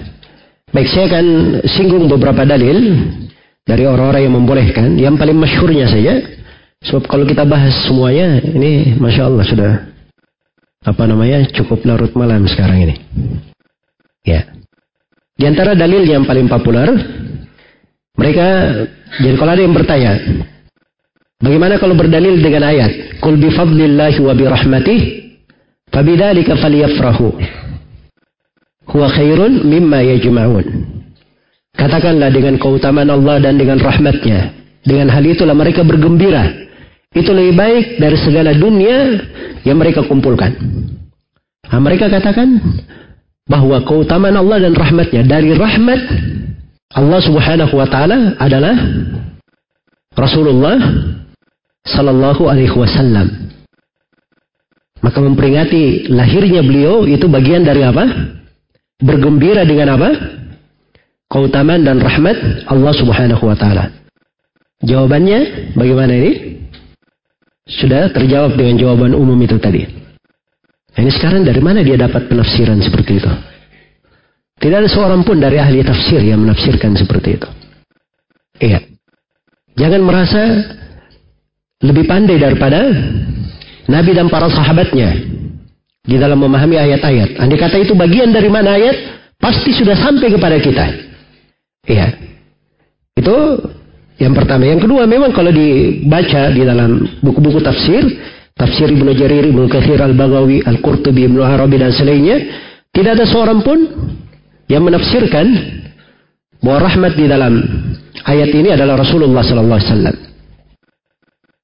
Bahkan kalau kita baca ayat sebelumnya, ayat sebelumnya itu kelihatan bahwa rahmat itu adalah Al-Quran. Kalian disebutkan dengan apa? Dengan rahmat. Terkait dengan dat Nabi sendiri, ya. Maka tidak ada yang menafsirkannya seperti itu. Baik. Abu Said Al-Khudri, Ibnu Abbas, sebagaimana yang disebutkan oleh Al-Qurtubi, mereka berkata, keutamaan Allah adalah Al-Quran, rahmatnya adalah Islam. Dan mengatakan keutamaan Allah adalah Al-Quran, rahmatnya kalian dijadikan dari Ahlul Islam. Karena itu Ibnu Al-Qayyim secara umum berkata, ucapan para salaf tentang keutamaan dan rahmat pada ayat ini, itu berputar pada mana Islam dan Sunnah. Itu Jawaban yang kedua. Jawaban yang ketiga. Rahmat Allah subhanahu wa ta'ala untuk manusia itu bukan dengan lahirnya Nabi. Tapi dengan diutusnya beliau. Sebagai Rasul. Nah, itu yang disebut di dalam Al-Quran dan Sunnah Rasulullah SAW. Allah berfirman, "Wa ma illa rahmatan lil alamin." Tidaklah kami mengutus engkau Nabi Muhammad kecuali sebagai rahmat untuk semesta alam kerasulan beliau, beliau diutus itulah rahmat bagi manusia. Jelas ya? Nah disinggung masalah kelahirannya. Maka dari mana di sini ditafsirkan ayat ini terkait kita bergembira dengan kelahiran Nabi Shallallahu Alaihi Wasallam. Baik. Nabi Shallallahu Alaihi Wasallam dalam Sahih Muslim beliau berkata, Inni lam ubaat la'anan, inna mabu'ittu rahmah. Sungguhnya saya tidak diutus sebagai orang yang gemar melanat. Tapi saya diutus sebagai rahmat. Nah ini, diutus sebagai apa? Rahmat. Jadi rahmat itu pada keadaan beliau diutus oleh Allah Subhanahu wa taala. Baik, muncul pertanyaan yang lain. Bagaimana dengan mereka yang berdalil dengan ayat? Inna Allah wa malaikatahu yusalluna ala nabi. Ya ayuhalladzina amanu sallu alaihi wa sallimu taslima. Sungguhnya Allah dan para malaikatnya bersalawat kepada Nabi. Wahai orang-orang yang beriman. Bersalawatlah kalian dan bersalamlah. Untuk Nabi Wasallam. Kata mereka, nah, ayat ini kita diperintah bersalawat tentang apa? Memperbanyak salam. Dan maulid itu anjuran untuk banyak bersalawat kepada Rasulullah Sallallahu Alaihi Wasallam. Baik. Jawaban yang pertama sudah dari jawaban global. Nah pernah ada dari para sahabat, para tabiin yang memahami ayat ini, ada pembahasannya dengan pembahasan kelahiran Nabi Shallallahu Alaihi Wasallam. Maka jangan menafsirkan penafsiran yang tidak pernah dikenal. oleh Nabi apa oleh para sahabat, para tabiin dan tabiut tabiin. Sebab itu artinya ada dua kemungkinan. Kamu lebih pandai daripada mereka. Ya. Mereka keliru, kamu yang benar. Atau mereka yang benar. Ya, tidak menerangkan hal tersebut karena memang tidak ada hubungannya. Dan kalian yang keliru. Baik. Jawaban yang kedua, berselawat kepada Nabi Shallallahu Alaihi Wasallam itu disunnahkan pada setiap waktu, bukan di acara kelahiran Nabi Muhammad Shallallahu Alaihi Wasallam saya. Karena itu kata Nabi Shallallahu Alaihi Wasallam dalam hadits riwayat Muslim, "Man salla alayya salatan, sallallahu alaihi biha ashran." Barang siapa yang berselawat terhadapku satu selawat, maka Allah akan berselawat untuknya dengan satu selawat ini sebanyak sepuluh kali. Jelas ya? Baik. Muncul pertanyaan yang lain. Saya sebutkan ya dari dalil-dalil yang biasa dipakai di sini.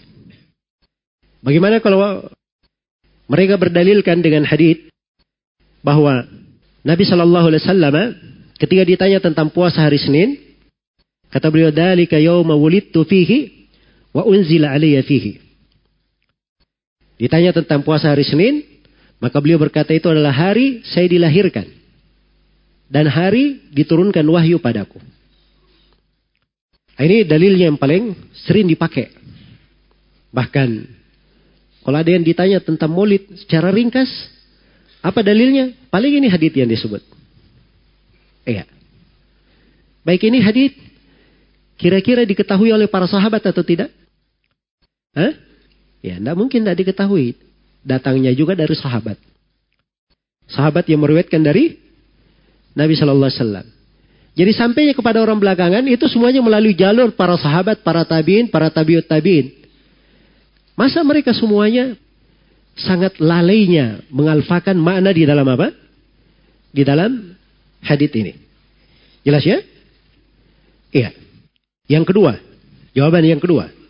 Kalau yang diinginkan bahwa merayakan maulid itu adalah kesyukuran terhadap nikmat lahirnya Nabi, katanya Nabi, karena itu adalah hari lahirnya, maka beliau pun berpuasa di situ, bersyukur. Menunjukkan kalau kita mengadakan ibadah yang lain boleh saja. Bagus. Sebab Nabi melahirkan apa? Hari lahirnya. Nah, ini dikatakan kepada mereka, kalian ini sudah lancang. Nabi saja hanya apa? Hanya berpuasa. Andai kata ada syariat yang lain, Nabi pasti akan apa? Nabi akan terangkan. Maka jangan melampaui Rasulullah Sallallahu Alaihi Wasallam. Dan tidak ada dari para sahabat yang memahami hal yang seperti itu. Iya. Kemudian yang ketiga, ini hadith terkait dengan hari Senin. Hari Senin itu dalam setahun datang berapa kali? Jangan tanya dalam setahunnya. Dalam sepekan berapa kali? Satu kali. Dalam sebulan paling sedikit berapa? Empat kali. Kan begitu. Jadi ini hari Seninnya terkait dengan puasanya. Sedangkan maulid itu cuma sekali dalam setahun saya. Baik. Kemudian Nabi Shallallahu Alaihi Wasallam ketika beliau hanya mencukupkan dirinya dengan puasa saya, maka harusnya kita juga mencukupkan diri dengan apa? Dengan puasa. Sebab itu yang dipilih oleh Nabi untuk dirinya. Sallallahu alaihi wasallam. Baik. Jadi ini pemahaman yang benar ya, yang terkait dengan hadis yang mulia ini. Iya, kalau misalnya ada yang bertanya lagi bagaimana dengan mereka yang berdalilkan bahwa di dalam hadis riwayat Bukhari dan Muslim ketika Nabi Shallallahu Alaihi Wasallam tiba di kota Medina, beliau melihat orang Yahudi berpuasa Ashura. Maka Nabi berkata, apa ini puasa? Orang Yahudi berkata, Yaumun salih najjallahu fihi Musa wa Bani Israel min aduwihim. Pasamahu Musa. Jadi orang Yahudi berkata ini hari yang salih. Di mana di hari ini, di hari Ashura ini, tanggal 10 Muharram, itu Allah menyelamatkan Nabi Musa dan Bani Israel dari musuh mereka. Nah, itu hari ditenggelamkannya siapa? Firaun dan bala tentaranya. Maka Nabi Musa pun puasa bersyukur. Faqala maka Nabi berkata, Ana ahakku bi Musa minkum. Fasamahu amar bisiyami. Maka Nabi berkata, saya lebih berhak terhadap Nabi Musa daripada kalian. Maka Nabi pun berpuasa dan memerintah manusia untuk apa? Berpuasa. Jadi katanya hari yang Nabi Musa saya diselamatkan padahal ini terkait dengan Nabi Musa. Nabi Shallallahu Alaihi Wasallam berkata kita lebih berhak berpuasa. Bagaimana pula dengan hari kelahiran Nabi Muhammad Shallallahu Alaihi Wasallam? Kata mereka siapa lebih afdal Nabi Muhammad atau Nabi Musa? Ya pasti jawabannya Nabi Muhammad. Kenapa kita tidak merayakan hari kelahiran Nabi? Jawaban yang pertama, kalau memang itu pemahaman kamu benar, berarti para sahabat, para tabiin dan tabiut tabiin pasti sudah apa? Sudah melakukannya. Ya, masa kamu jadi jagoan sendiri? Tahu hal yang benar para sahabat, para tabiin, tabiut tabiin, tidak ada yang tahu. Jelas ya? Mereka itu lebih bersemangat terhadap kebaikan. Mereka membela Rasulullah, membela agama dengan segala yang mereka miliki. Kecintaannya terhadap Nabi Sallallahu Alaihi Wasallam tidak ada yang meragukannya dipuji di dalam Al-Quran. Tapi tidak ada yang mengerjakan itu. Dari kalangan para sahabat. Para tabiun dan tabiut tabiin dipuji oleh Nabi Sallallahu Alaihi Wasallam sebagai sebaik-baik masa. Tidak ada yang memahami hadit ini seperti itu. Baik. Dan ini hadit kelihatan bahwa Rasulullah Sallallahu Alaihi Wasallam yang melakukan puasa itu. Artinya ini syariat dari Allah datang kepada nabinya Nabi Muhammad Sallallahu Alaihi Wasallam. Jadi ini terkait dengan puasa Ashura itu ada syariat. Adapun tentang Maulid Nabi Sallallahu Alaihi Wasallam maka tidak ada ketentuan khusus di situ. Ya, Nabi berpuasa pada tanggal 12 Rabiul Awal. Itu tidak ada di dalam hadit-hadit. Yang ada berpuasa di hari apa? Hari Seninnya. Itu pun hari Senin diagungkan bukan dengan alasan hari Nabi dilahirkan saja. Banyak alasannya. Ada kan dua di situ. Karena Nabi dilahirkan dan karena apa? Diturunkan Al-Quran padanya. Jadi ada hal-hal yang lain. Di dalamnya. Itu disebut dalam pembahasan usul fikih dengan nama illa murakkabah. Iya. Jadi jangan diarahkan kepada satu saja. Sebab maksudnya di situ adalah bagaimana hari itu telah diizinkan oleh Allah digagungkan dengan cara berpuasa padanya. Berpuasa padanya. Sama di sini hari Ashura. Ini Ashura. Ya. Dia karena Nabi Shallallahu Alaihi Wasallam berpuasa di hari tersebut. Dan itu syariat dari Allah Subhanahu wa taala. Baik. Ada lagi yang menyebutkan. Ini saya eh, peringkas ya, saya baca yang tersebar-sebar saja. Yang banyak salah paham. Katanya ada dalam riwayat Al-Bukhari. Ya, dari Urwah. Nabi berkata tentang Suwaibah. Suwaibah budak Abu Lahab. Dulunya budak Abu Lahab. Ya. Jadi Abu Lahab ini katanya membebaskan Suwaibah. Membebaskannya. Ya. Lalu Suwaibah ini apa namanya? menyusui Nabi Shallallahu Alaihi Wasallam. Ya, ketika Abu Lahab meninggal, maka Abu Lahab ini dilihat oleh sebagian keluarganya di dalam mimpi. Di kondisi yang paling mengerikan, paling jeleknya. Maka dikatakan kepadanya, ada apa denganmu? Maka Abu Lahab berkata, saya tidak ketemukan setelah kalian. Maksudnya, dari kebaikan, semuanya adab. Kecuali saya diberi minum pada ini. Ya, sesuatu sedikit sekali. Kenapa? Diberi sedikit, walaupun tidak ada artinya, tapi diberi. Bi'ataqati thuwaibah. Karena saya telah membebaskan thuwaibah. Nah, datang lagi pada sebagian orang, dia tafsirkan lebih luas lagi. Pada orang-orang yang mengatakan mendukung maulid. Katanya datang dalam sebagian riwayat. Bahwa siksaan diringankan terhadap Abu Lahab setiap hari Senin. Disebabkan karena dia membebaskan Suwaibah. Takkala Suwaibah ini memberi kabar gembira bahwa Nabi itu telah apa? Telah lahir. Nah, jadi ini ada dua kisah ya. Ada kisah dalam Bukhari, ada yang kisah di luar apa? Di luar Bukhari. Baik, jawaban yang pertama itu dulu. Ini andai kata Syah, harusnya ini kan, ini luput dari Abu Bakar atau tidak? Yang seperti ini. Siapa yang paling dekat kepada Nabi? Hah? Abu Bakar Siddiq. Baik, Urwa Ibnu Zubair, tabiin. Tidak berjumpa Nabi. Di riwayat yang lain disebutkan beliau mengambilnya dari Al-Abbas. Al-Abbas yang bermimpi. Melihat Abu Lahab. Al-Abbas sendiri pernah dinukil merayakan maulid Nabi. Tidak ada. Jelas ya? Jadi tidak ada yang memahami seperti itu. Dari kalangan para sahabat. Jawaban yang lainnya, ini riwayat terkait dengan kalau kisah bahwa Suwaibah itu menyusui Nabi, itu haditsnya dalam riwayat Bukhari dan Muslim. Itu syah. Tidak diragukan. Iya. Ada silam pendapat di kalangan ulama apakah Suwaibah masuk Islam atau tidak. Karena itu disebutkan uh, Suwaibah radhiyallahu anha sebagai sahabat di Ali Sabah oleh Ibnu Hajar rahimahullahu taala.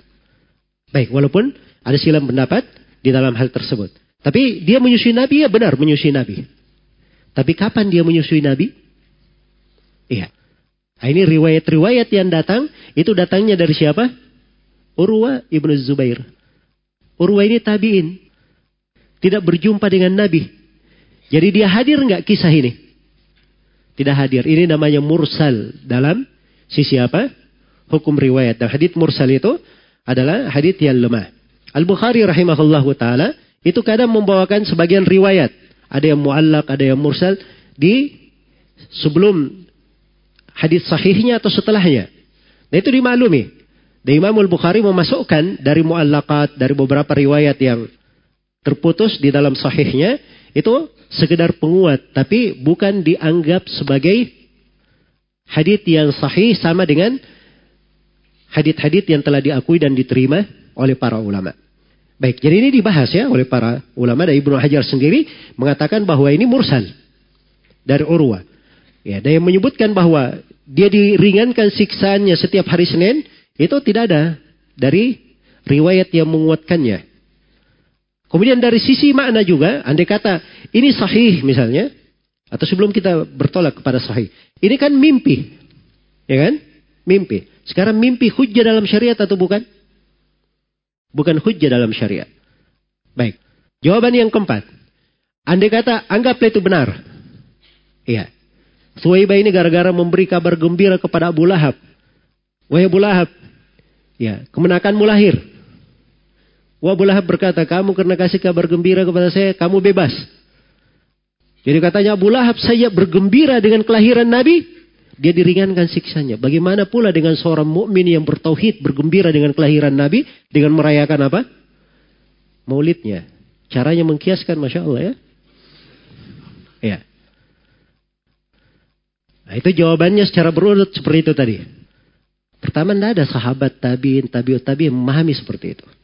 Dari mana dia bisa memahami sendiri? Kemudian yang kedua, riwayatnya mursal. Kemudian yang ketiga ini mimpi. Mimpi itu bukan apa? hujjah. Kemudian yang keempat, ini menyelisihi bahir Al-Quran. Ya, karena Al-Quran itu, di dalam Al-Quran orang kafir, amalannya itu bagaimana kalau kafir? Hancur amalannya. Wa qadimna ila ma amilu min amalin faja'allahu haba'an mansura. Kami hadapi amalan yang mereka kerjakan, lalu kami jadikan amalannya bagikan debu yang berterbangan. Itu menyelisih Al-Quran. Dan yang terakhir, di sini Abu Jahal. Sebenarnya banyak jawaban ya. Ya banyak jawaban di sini oleh para ulama. Tapi saya ringkas. Ya. Baik, ini kegembiraan Abu Lahab dengan kelahiran Nabi waktu itu. Kegembiraan sifatnya apa? Sifatnya ibadah atau kegembiraan tabii? Hah? Saya misalnya punya saudara. Ya. Lahir anaknya. Saya gembira atau tidak? Saya gembira kan begitu. Itu tabiat namanya. Tabiat. Itu tidak terkait dengan apa? Tidak terkait dengan ibadah. Baik.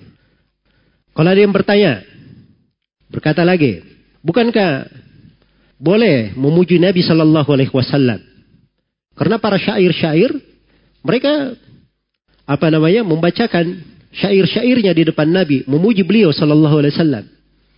Ya, maka ini dalil tentang bolehnya tersebut dilakukan di Maulid. Maka jawaban yang pertama ini para sahabat yang mengucapkan syair kepada Nabi, dia ucapkan di pembahasan apa? Di situasi maulid? Jawabannya tidak ada. Ya. Jadi dari mana kalian memasukkannya di pembahasan? Di pembahasan maulid. Kemudian yang kedua, apa yang diucapkan oleh para sahabat tersebut, itu pujian-pujian dalam batasan yang dibolehkan oleh syariat. Memang mereka memuji Nabi, itu untuk membantah orang-orang kafir. Iya.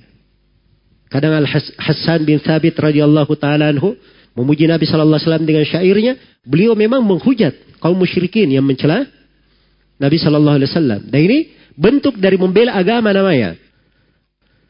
Adapun kalau di dalam perayaan tersebut dibacakan dari qasidah atau syair-syair yang berlebihan dalam memuji Nabi ini menyelisihi hadits Rasulullah sallallahu alaihi wasallam. Rasulullah bersabda dalam hadits riwayat Bukhari dari Umar bin Khattab, "La tutruni kama atratin nasara Isa bin Maryam. Fa inna mana abad faqulu Abdullah wa rasuluh."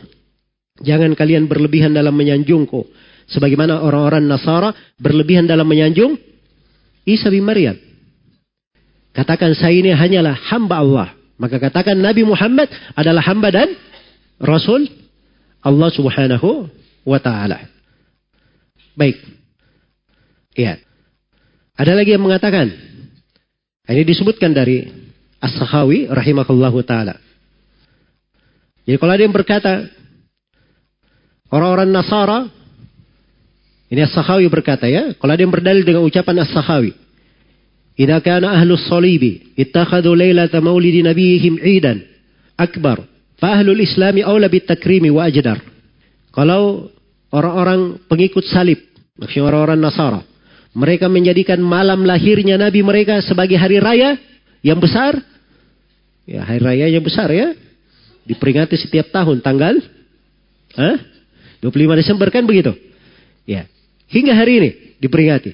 Jadi kalau Orang Nasara memperingati kelahiran Nabi yang seperti itu, maka harusnya umat Islam lebih pantas lagi. Ya, ini ucapan As-Sahawi. Jelas ya?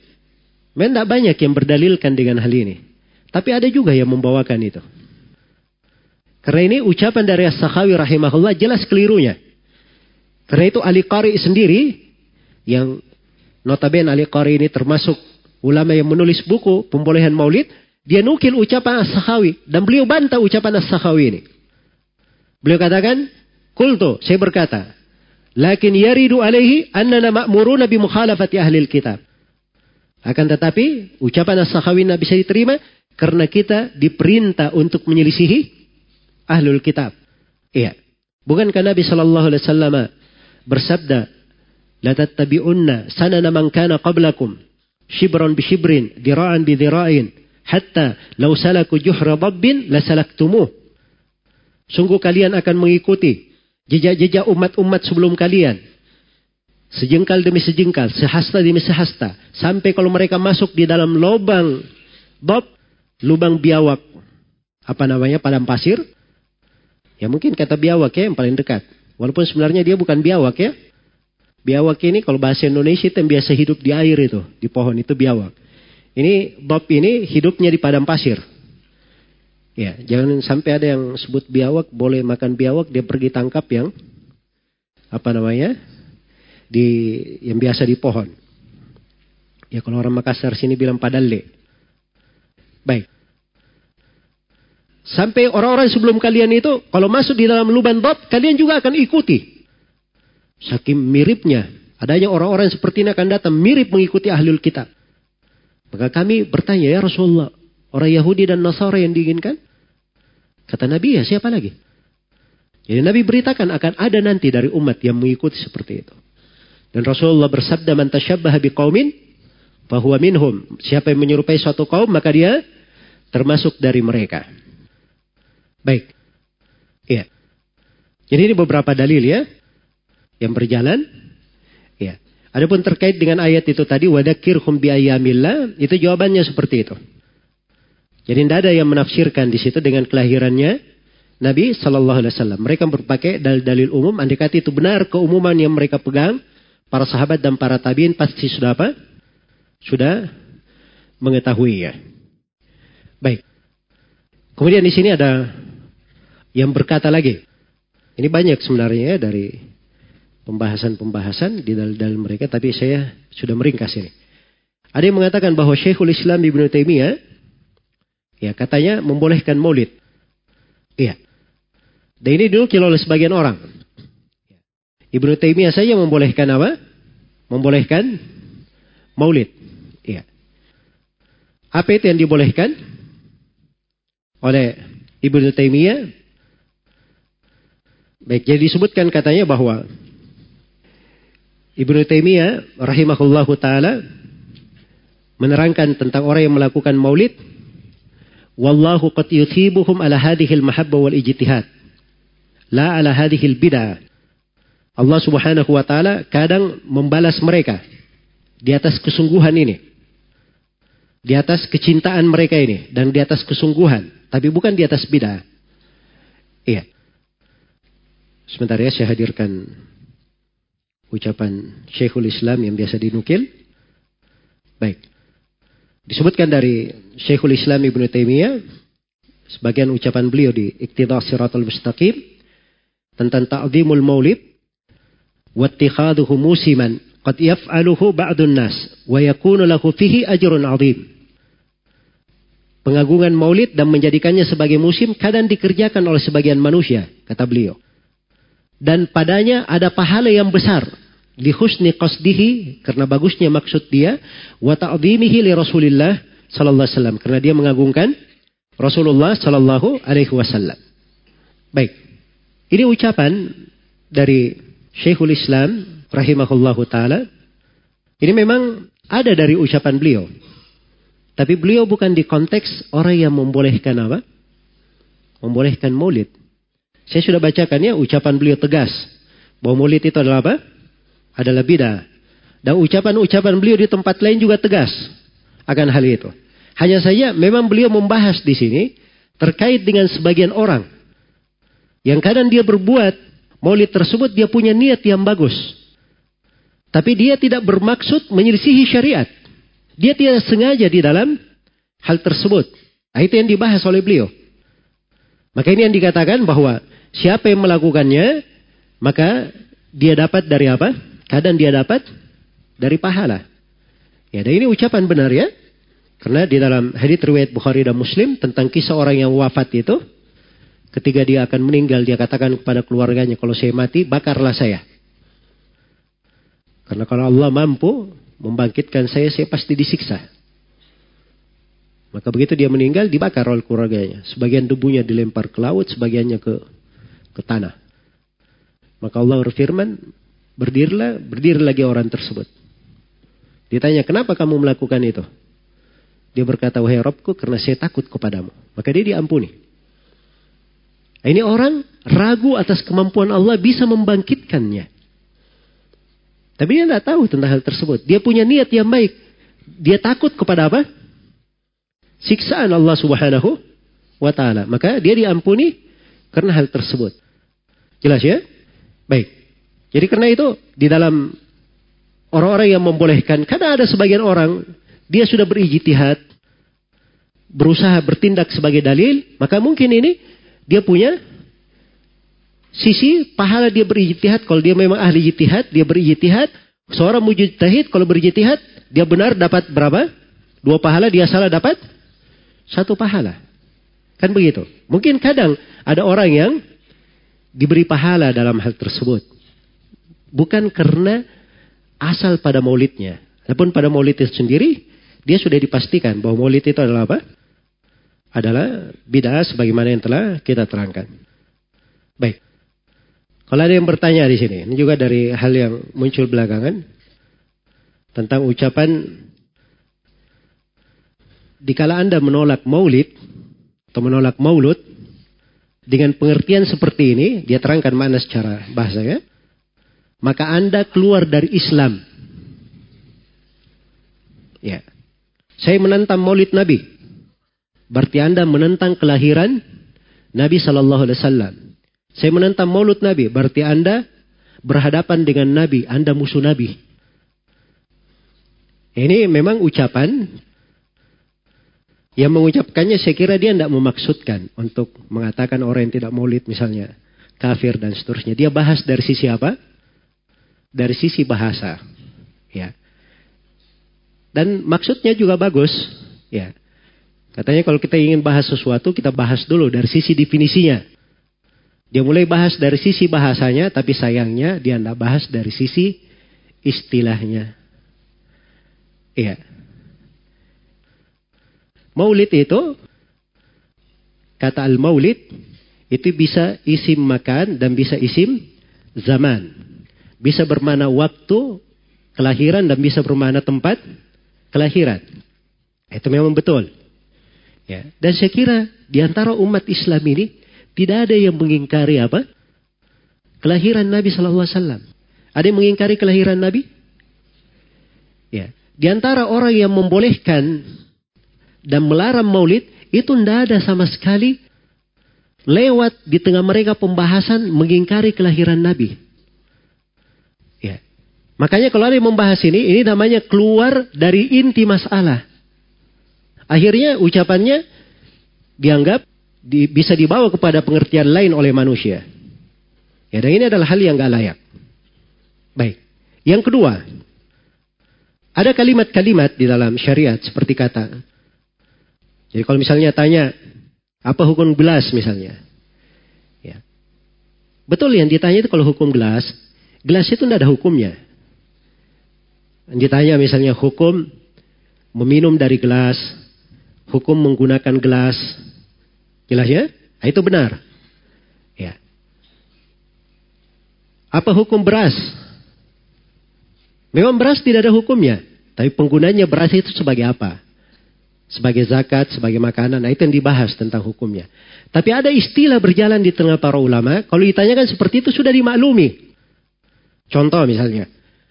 Apa hukum fitrah? Fitrah itu istilah para ulama artinya zakat fitri. Zakat fitri, makanan pokok yang dikeluarkan itu namanya apa? Fitrah. Itu disebutkan oleh Imam Nawawi. Istilah fuqaha. Jadi kalau ditanya apa hukum fitrah, orang sudah tahu fitrah itu apa. Jangan terangkan fitrah secara bahasa. Keliru. Sebab kita di sini berbicara tentang apa? Tentang istilah. Sama dengan maulid. Kok dibahas masalah bahasa? Berarti keliru semua nih orang-orang yang nulis tentang maulid ini. Iya. Apa suyuti khusnul maksid fi amalil maulid. Tapi hukmil maulid. Baiknya niat tentang amalan maulid. Disebut maulid. Ya. Jelas ya? Karena maulid ini sudah menjadi istilah perayaan. Jelas ya? Perayaan. Jadi kalau dia katakan saya ingkari maulid, itu kaitannya terkait dengan masalah perayaan maulid itu. Itu yang dibahas oleh para ulama. Jadi tidak cocok kalau seorang masuk di dalam pembahasan tersebut. Ya, apalagi setelah itu masuk di dalam menyalahkan kaidah-kaidah yang sudah tetap disepakati oleh para ulama. Ya. Ini dari ucapannya, ya. Saya luar biasa kesal. Kadang ada orang yang bikin perbandingan begini. Maulid Nabi. Zaman Nabi tidak ada, coret. Zaman sahabat tidak ada, coret. Zaman tabiin tidak ada, coret. Zaman ini ada. Ya, kalau begitu dia beda. Ya. Jadi katanya kalau antum kalau mengamalkan hukum seperti ini, ini fatal katanya. Ya, ini fatal. Zakat pakai beras diberi contoh. Zakat pakai beras. Zaman Nabi coret. Zaman sahabat coret. Zaman tabi coret. Zaman ulama coret. Ya zaman antum ada. Berarti antum bid'ah. Pakai beras. Ini pertama masuk di dalam hal yang dia menyelisihi kaidah yang sudah jelas. Itu benar kaidahnya. Tidak ada di masa Nabi, para sahabat, para tabi'in. Dari hal. Memang diterangkan. Yang tidak ada itu kayak bagaimana bentuknya. Dari hal yang di masa Nabi itu sebabnya ada. Iya. Konsekuensi hal yang menyeru untuk melakukannya itu ada. Dan tidak ada penghalang di masa Nabi.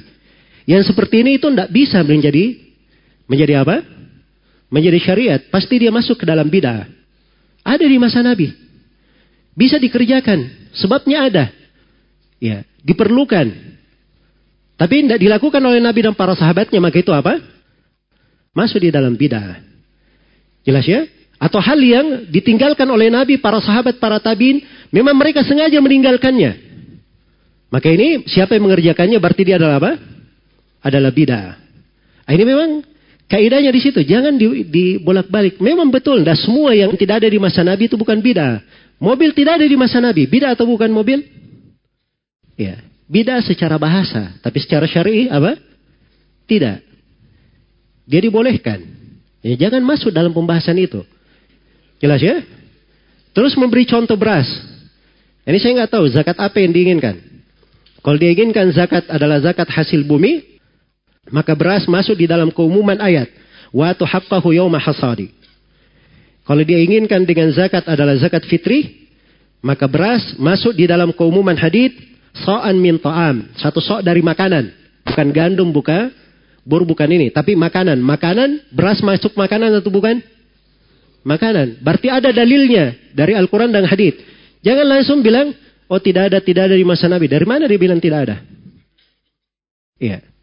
Ini karena kurang detail di dalam apa? Melihat dari dalil-dalil. Ya, mushaf itu dikumpulkan itu di masa Uthman. Tidak ada di masa Nabi Sallallahu Alaihi Wasallam.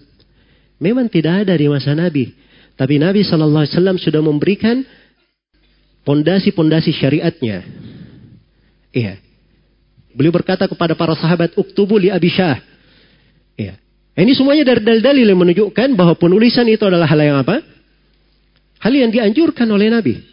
Karena itu ketika dikumpulkan, ah, itu berjalan sesuai dengan kaidah-kaidah yang sudah diterangkan oleh Nabi Shallallahu Alaihi Wasallam. Sama dengan sholat tarawih. Ya, memang di masa Nabi tidak ada sholat tarawih setiap hari. Tapi sholat tarawih itu pernah dilakukan oleh Nabi. Pernah dilakukan oleh Nabi. Walaupun cuma tiga malam beliau keluar. Dan alasannya beliau tidak lakukan setiap hari ada. Karena khawatir akan diwajibkan kepada siapa? kepada umatnya. Jadi jangan dikatakan tidak ada dalilnya. Iya. Kadang pendalilan itu tidak harus secara nas. Mungkin ada teks umum atau ada makna yang melekat ke sana. Ya, tapi itu tadi kaidahnya, jangan keluar dari makna itu tadi. Jadi sesuatu itu kalau dia tidak ada di masa Nabi, padahal ada hal yang mengharuskan hal itu dikerjakan dan perkara itu juga tidak ada yang menahannya, tidak ada mania di situ, maka yang seperti ini itu adalah hal yang tidak boleh ada yang masuk di dalamnya. Bukan perkara yang apa? Bukan perkara yang disunahkan. Nah itulah pembahasan maulid. Ya. Alasan maulid apa? Cinta kepada Nabi. Cinta kepada Nabi, semua orang cinta kepada Nabi atau tidak? Iya. Makanya kita tanyakan, kalau memang cinta kepada Nabi, tidak ada yang lebih cinta kepada Nabi melebihi para sahabat Rasulullah SAW. Mereka tidak ada yang bikin maulid. Jadi sebabnya ada di masa Nabi Sallallahu Alaihi Wasallam. Tapi tidak ada para sahabat yang melakukannya. Menunjukkan bahwa itu tidak disyariatkan. Dan tidak ada penghalang. Iya. Menunjukkan bahwa itu bukan syariat. Nah, itu cara memakai kaidah. Jangan mencampur baurkan antara ini dan itu. Nah, ini perkara yang tidak bagus ya. Membawa kepada apa? Kita namanya menyentuh pembahasan-pembahasan yang sudah dikaji secara ilmiah oleh para ulama. Di ilmu usul fikih itu pendalilan itu ada sumbernya. Ada dari Al-Quran, ada dari hadith, ada dari ijma, ada dari kias, ada dari ucapan sahabat. Ya, sebagiannya ada yang menghitung istihsan, ada yang berdalil dengan amalan penduduk Medina, ada yang berdalil dengan masalih mursala. Itu kan dibahas di pembahasan usul fikih. Jadi cara pendalilan itu ada cara berdalilnya. Jangan seorang itu kalau dia tidak sependapat dengan orang lain, keluar darinya kalimat-kalimat yang kalimat ini tidak cocok di dalam apa? Di dalam ranah silam pendapat. Baik, jadi ini mungkin yang bisa saya terangkan di pertemuan ringkas ini. Walaupun banyak sudut ya saya belum jelaskan. Tapi mudah-mudahan apa yang dijelaskan pada pertemuan malam ini bermanfaat untuk semuanya. Wallahu ta'ala alam. Baik.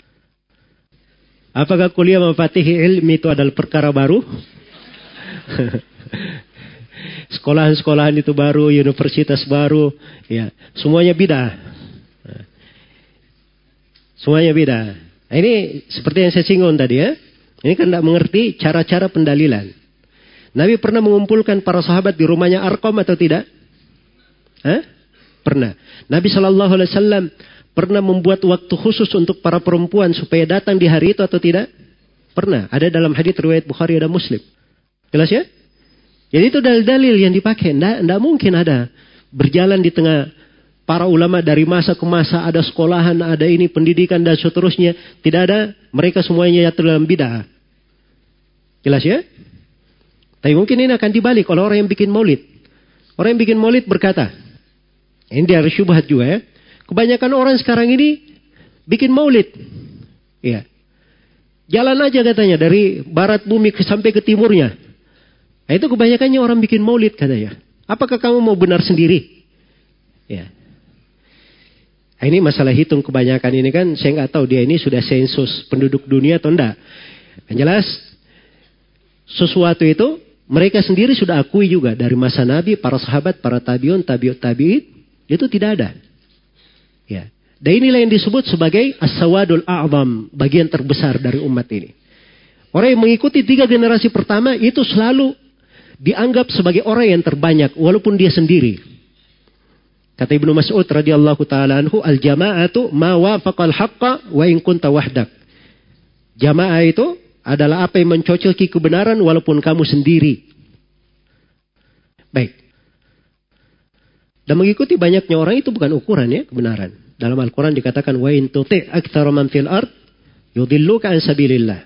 Kalau engkau mengikuti kebanyakan orang yang di atas muka bumi, mereka akan menyesatkan engkau dari jalan Allah.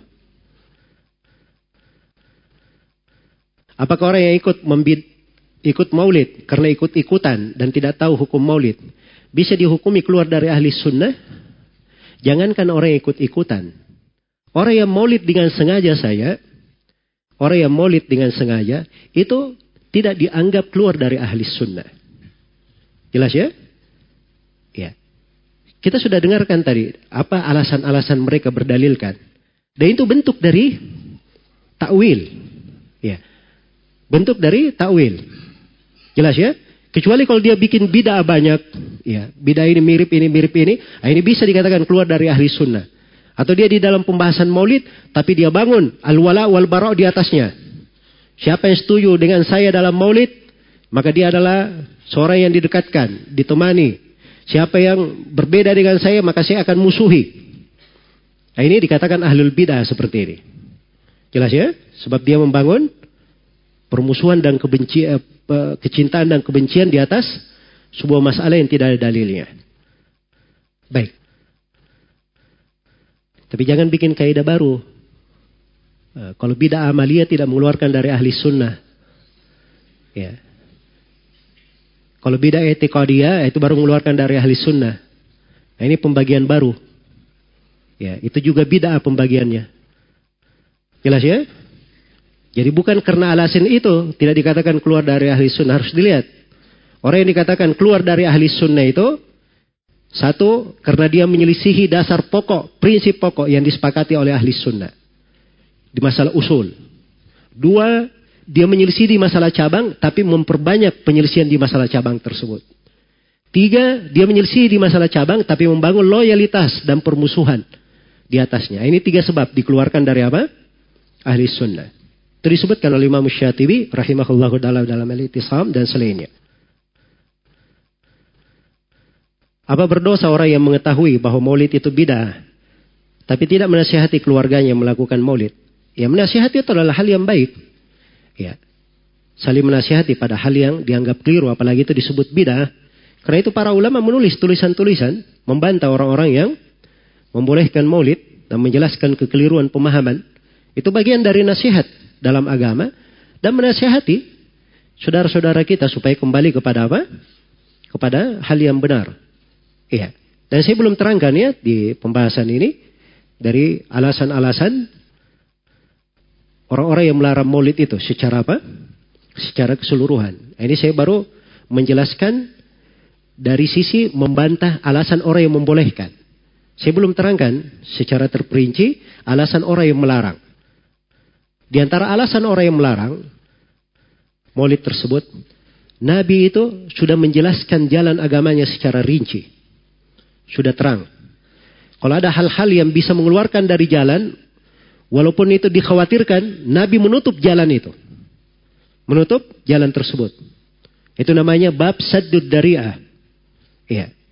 Karena itu, pintu ekstrim terhadap orang salih itu ditutup dalam agama ini dengan sangat kerasnya, dengan sangat rapatnya. Tidak boleh ada ekstrim terhadap siapa pun dari orang salih, termasuk terhadap Nabi Sallallahu Alaihi Wasallam. Bahkan Nabi Sallallahu Alaihi Wasallam di akhir hayatnya beliau ingatkan, La'anallahu al-Yahuda wa nasara ittakhadu kubur anbiya'ihim masajid. Allah melaknat orang-orang Yahudi dan Nasara. Mereka menjadikan kubur nabinya sebagai masjid. Baik ini semuanya menutup pintu. Menutup pintu. Maka kaidah syariat ini, ini mengharuskan bahwa hal-hal yang terkait dengan maulid itu harus ditutup. Apalagi telah terbukti. Para ulama yang membolehkan maulid saja, mereka mengingkari banyaknya kemungkaran-kemungkaran yang terjadi di mana? Di maulid tersebut. Dan ini bukti kuat yang membenarkan pendapat orang yang melarang. Sebab ini asal memang di dalam syariat ditutup pintu yang ditutup. Ini mohon wejangan atau nasihatnya terhadap kami yang aktif di sosial media. Ini alam-alam yang tidak nyata ini memang banyak masalah. Ya, karena itu bagusnya seorang itu hidup di alam nyata saja. Ya. Jangan banyak masuk dalam perkara-perkara yang kadang dia tidak menemukan apa di situ. Hal yang pasti dari kebaikan. Iya. Allah Subhanahu wa taala berfirman, "Wala tarkanu ilal ladina zalamu fatamassakumun nar." Jangan kalian condong kepada orang yang zalim. Akibatnya kalian akan disentuh oleh api neraka. Ya. Bukan artinya ayat ini langsung masuk neraka, enggak. Tapi kadang seorang itu dikeluarkan dari kebaikan sedikit demi sedikit. Kecil menjadi besar, menjadi lebih besar. Kadang bisa mengeluarkan dari apa?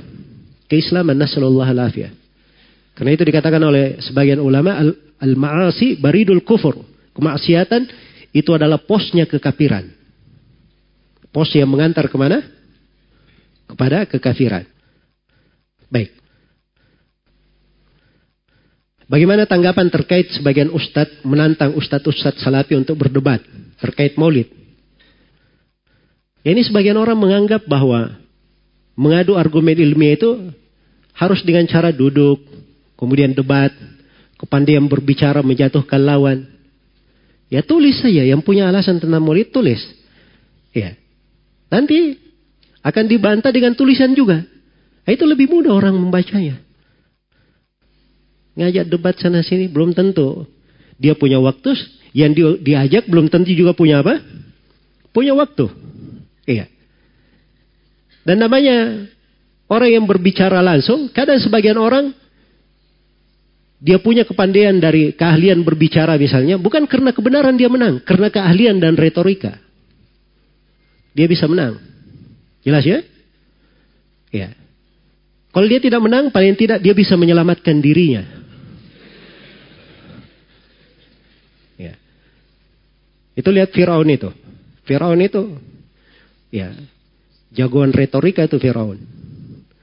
Ya, harusnya dia itu sudah KO Firaun. Tukang sihirnya semuanya sudah masuk Islam. Beriman kepada Nabi Musa dan Nabi Harun. Firaun hanya berucap satu kalimat saja, tenang semua pengikutnya. Oh rupanya kalian selama ini ya, pembesar kalian adalah Nabi Musa dan Nabi Harun yang mengajari kalian sihir. Jadi gampang saja. Pengikutnya akhirnya menjadi apa? Menjadi tenang. Hanya dengan ucapan itu saja. Jelas ya? Kadang ada orang-orang punya retorika seperti, Fir'aun. Ya. Nah ini dari hal-hal yang memang diingatkan oleh Nabi Shallallahu Alaihi Wasallam. Karena itu Nabi Shallallahu Alaihi Wasallam mengingatkan dari bahaya. Orang yang berbahaya adalah munafikun alimul lisan. Seorang munafik ahli dalam berbicara ahli dalam berbicara. Nabi saja memperingatkan. Ya, jelas ya. Tapi bukan artinya ahli sunnah, kalau dia pandang ada maslahat untuk debat, untuk diskusi, bertemu langsung, bukan artinya mereka tidak mau. Ya, boleh saja. Tidak ada masalah dalam hal tersebut. Tapi kelihatan maslahatnya, jelas dari manfaatnya. Ya, kalau tidak ada maslahat dan tidak jelas manfaatnya, ngapain buang-buang waktu di dalam hal tersebut? Baik. Apakah Ibnu Katsir memiliki kitab Maulid? Ya, ini ada sebagian yang mengatakan seperti itu. Dari mana dia dapat? Dia baca di dalam buku-buku yang memuat biografi sebagian ulama karya tulisnya dan diketemukan di situ. Katanya Ibnu Katsir ada buku dia tulis tentang apa? Tentang Maulid. Bukunya tidak pernah kita lihat. Ya, itu cuma di judul. Tidak tahu itu penisbatan benar atau tidak. Sebab di dalam penulisan ilmiah, kalau seorang ulama, seorang alim dikatakan punya kitab, itu harus ditetapkan secara ilmiah pula. Kitab ini benar dia menulis. Itu ada harus ada pembuktiannya. Dan itu tidak cukup hanya ditemukan bahwa si Anu berkata dia punya kitab begini. Iya. Sedangkan kitabnya tidak pernah terlihat. Dan tidak ada dari ulama yang menukilnya dari Ibnu Kathir. Rahimahullahu ta'ala. Di mana saya bisa mendapatkan penjelasan seputar sejarah perayaan Maulid Nabi oleh pencetus pertama dalam perayaan ini. Saya sudah terangkan tadi ya sebagian dari rujukan-rujukan dan buku-buku yang menulis tentang masalah ini banyak ya.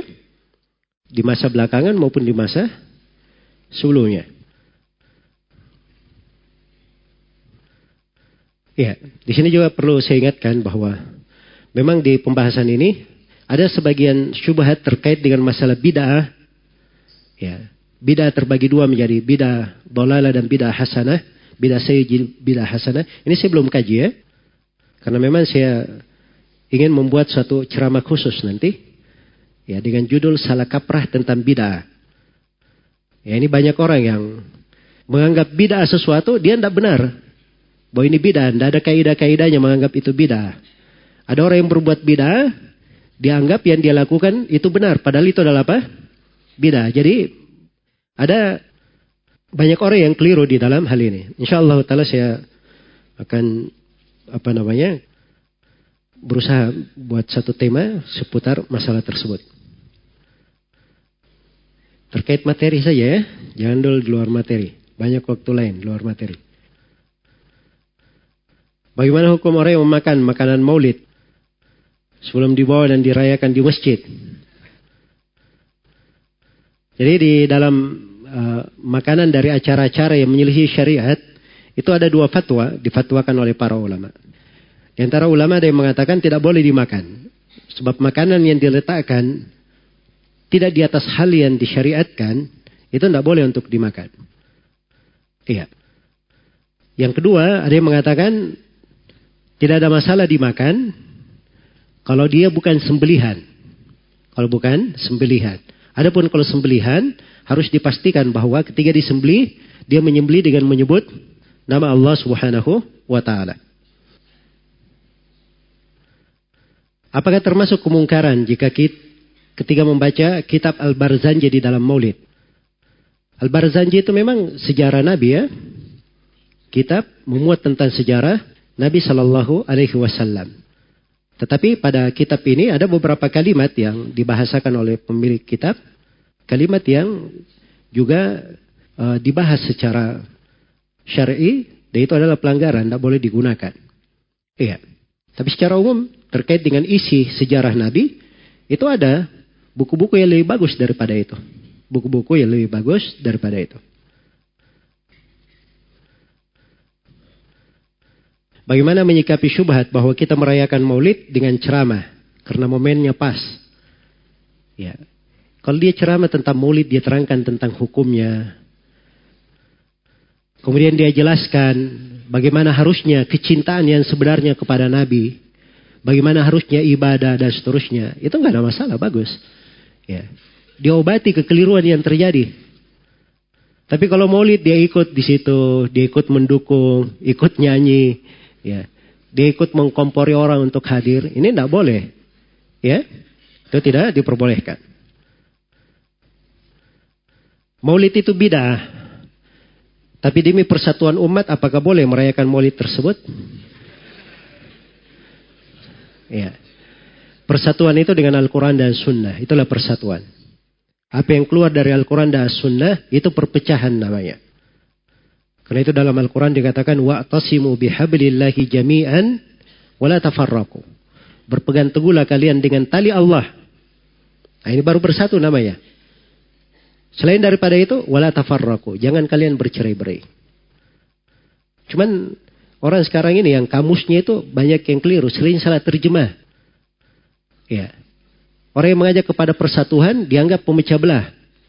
Orang yang memecah belah dengan bidah dan kesesatan dianggap mempersatukan. Nah, ini kan salah terjemah namanya. Ya. Cuman saya nasihatkan kepada semuanya agar supaya berlemah lembut terhadap orang yang tidak mengetahui. Dan berusaha mengajak manusia itu dengan hikmah dan bijaksana. Dan tidak boleh seorang itu merubah kemungkaran yang melahirkan kemungkaran yang apa?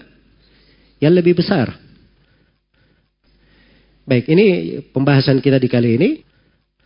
Ini memang sengaja saya uh, apa namanya? Saya anggap penting karena saya lihat banyak orang-orang yang berbicara bukan pada tempatnya.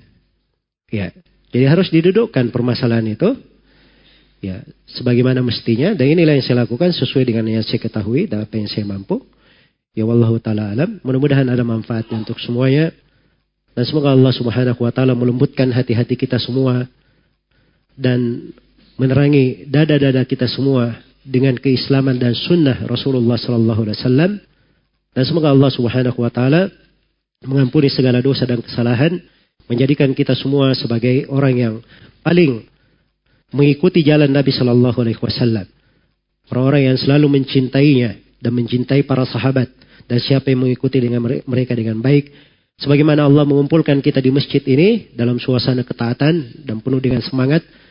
Semoga Allah Subhanahu wa taala mengumpulkan kita semua kelak di kemudian hari di sorga Allah Subhanahu wa taala bersama Nabi Muhammad sallallahu alaihi wasallam dan para sahabatnya dalam keadaan yang paling mulia dan paling baik innahu waliyyu dzalika wal qadiru alaihi wallahu taala alam subhanakallahumma wa bihamdik asyhadu an la ilaha illa anta Astaghfiruka wa atubu ilaik walhamdulillahi rabbil alamin.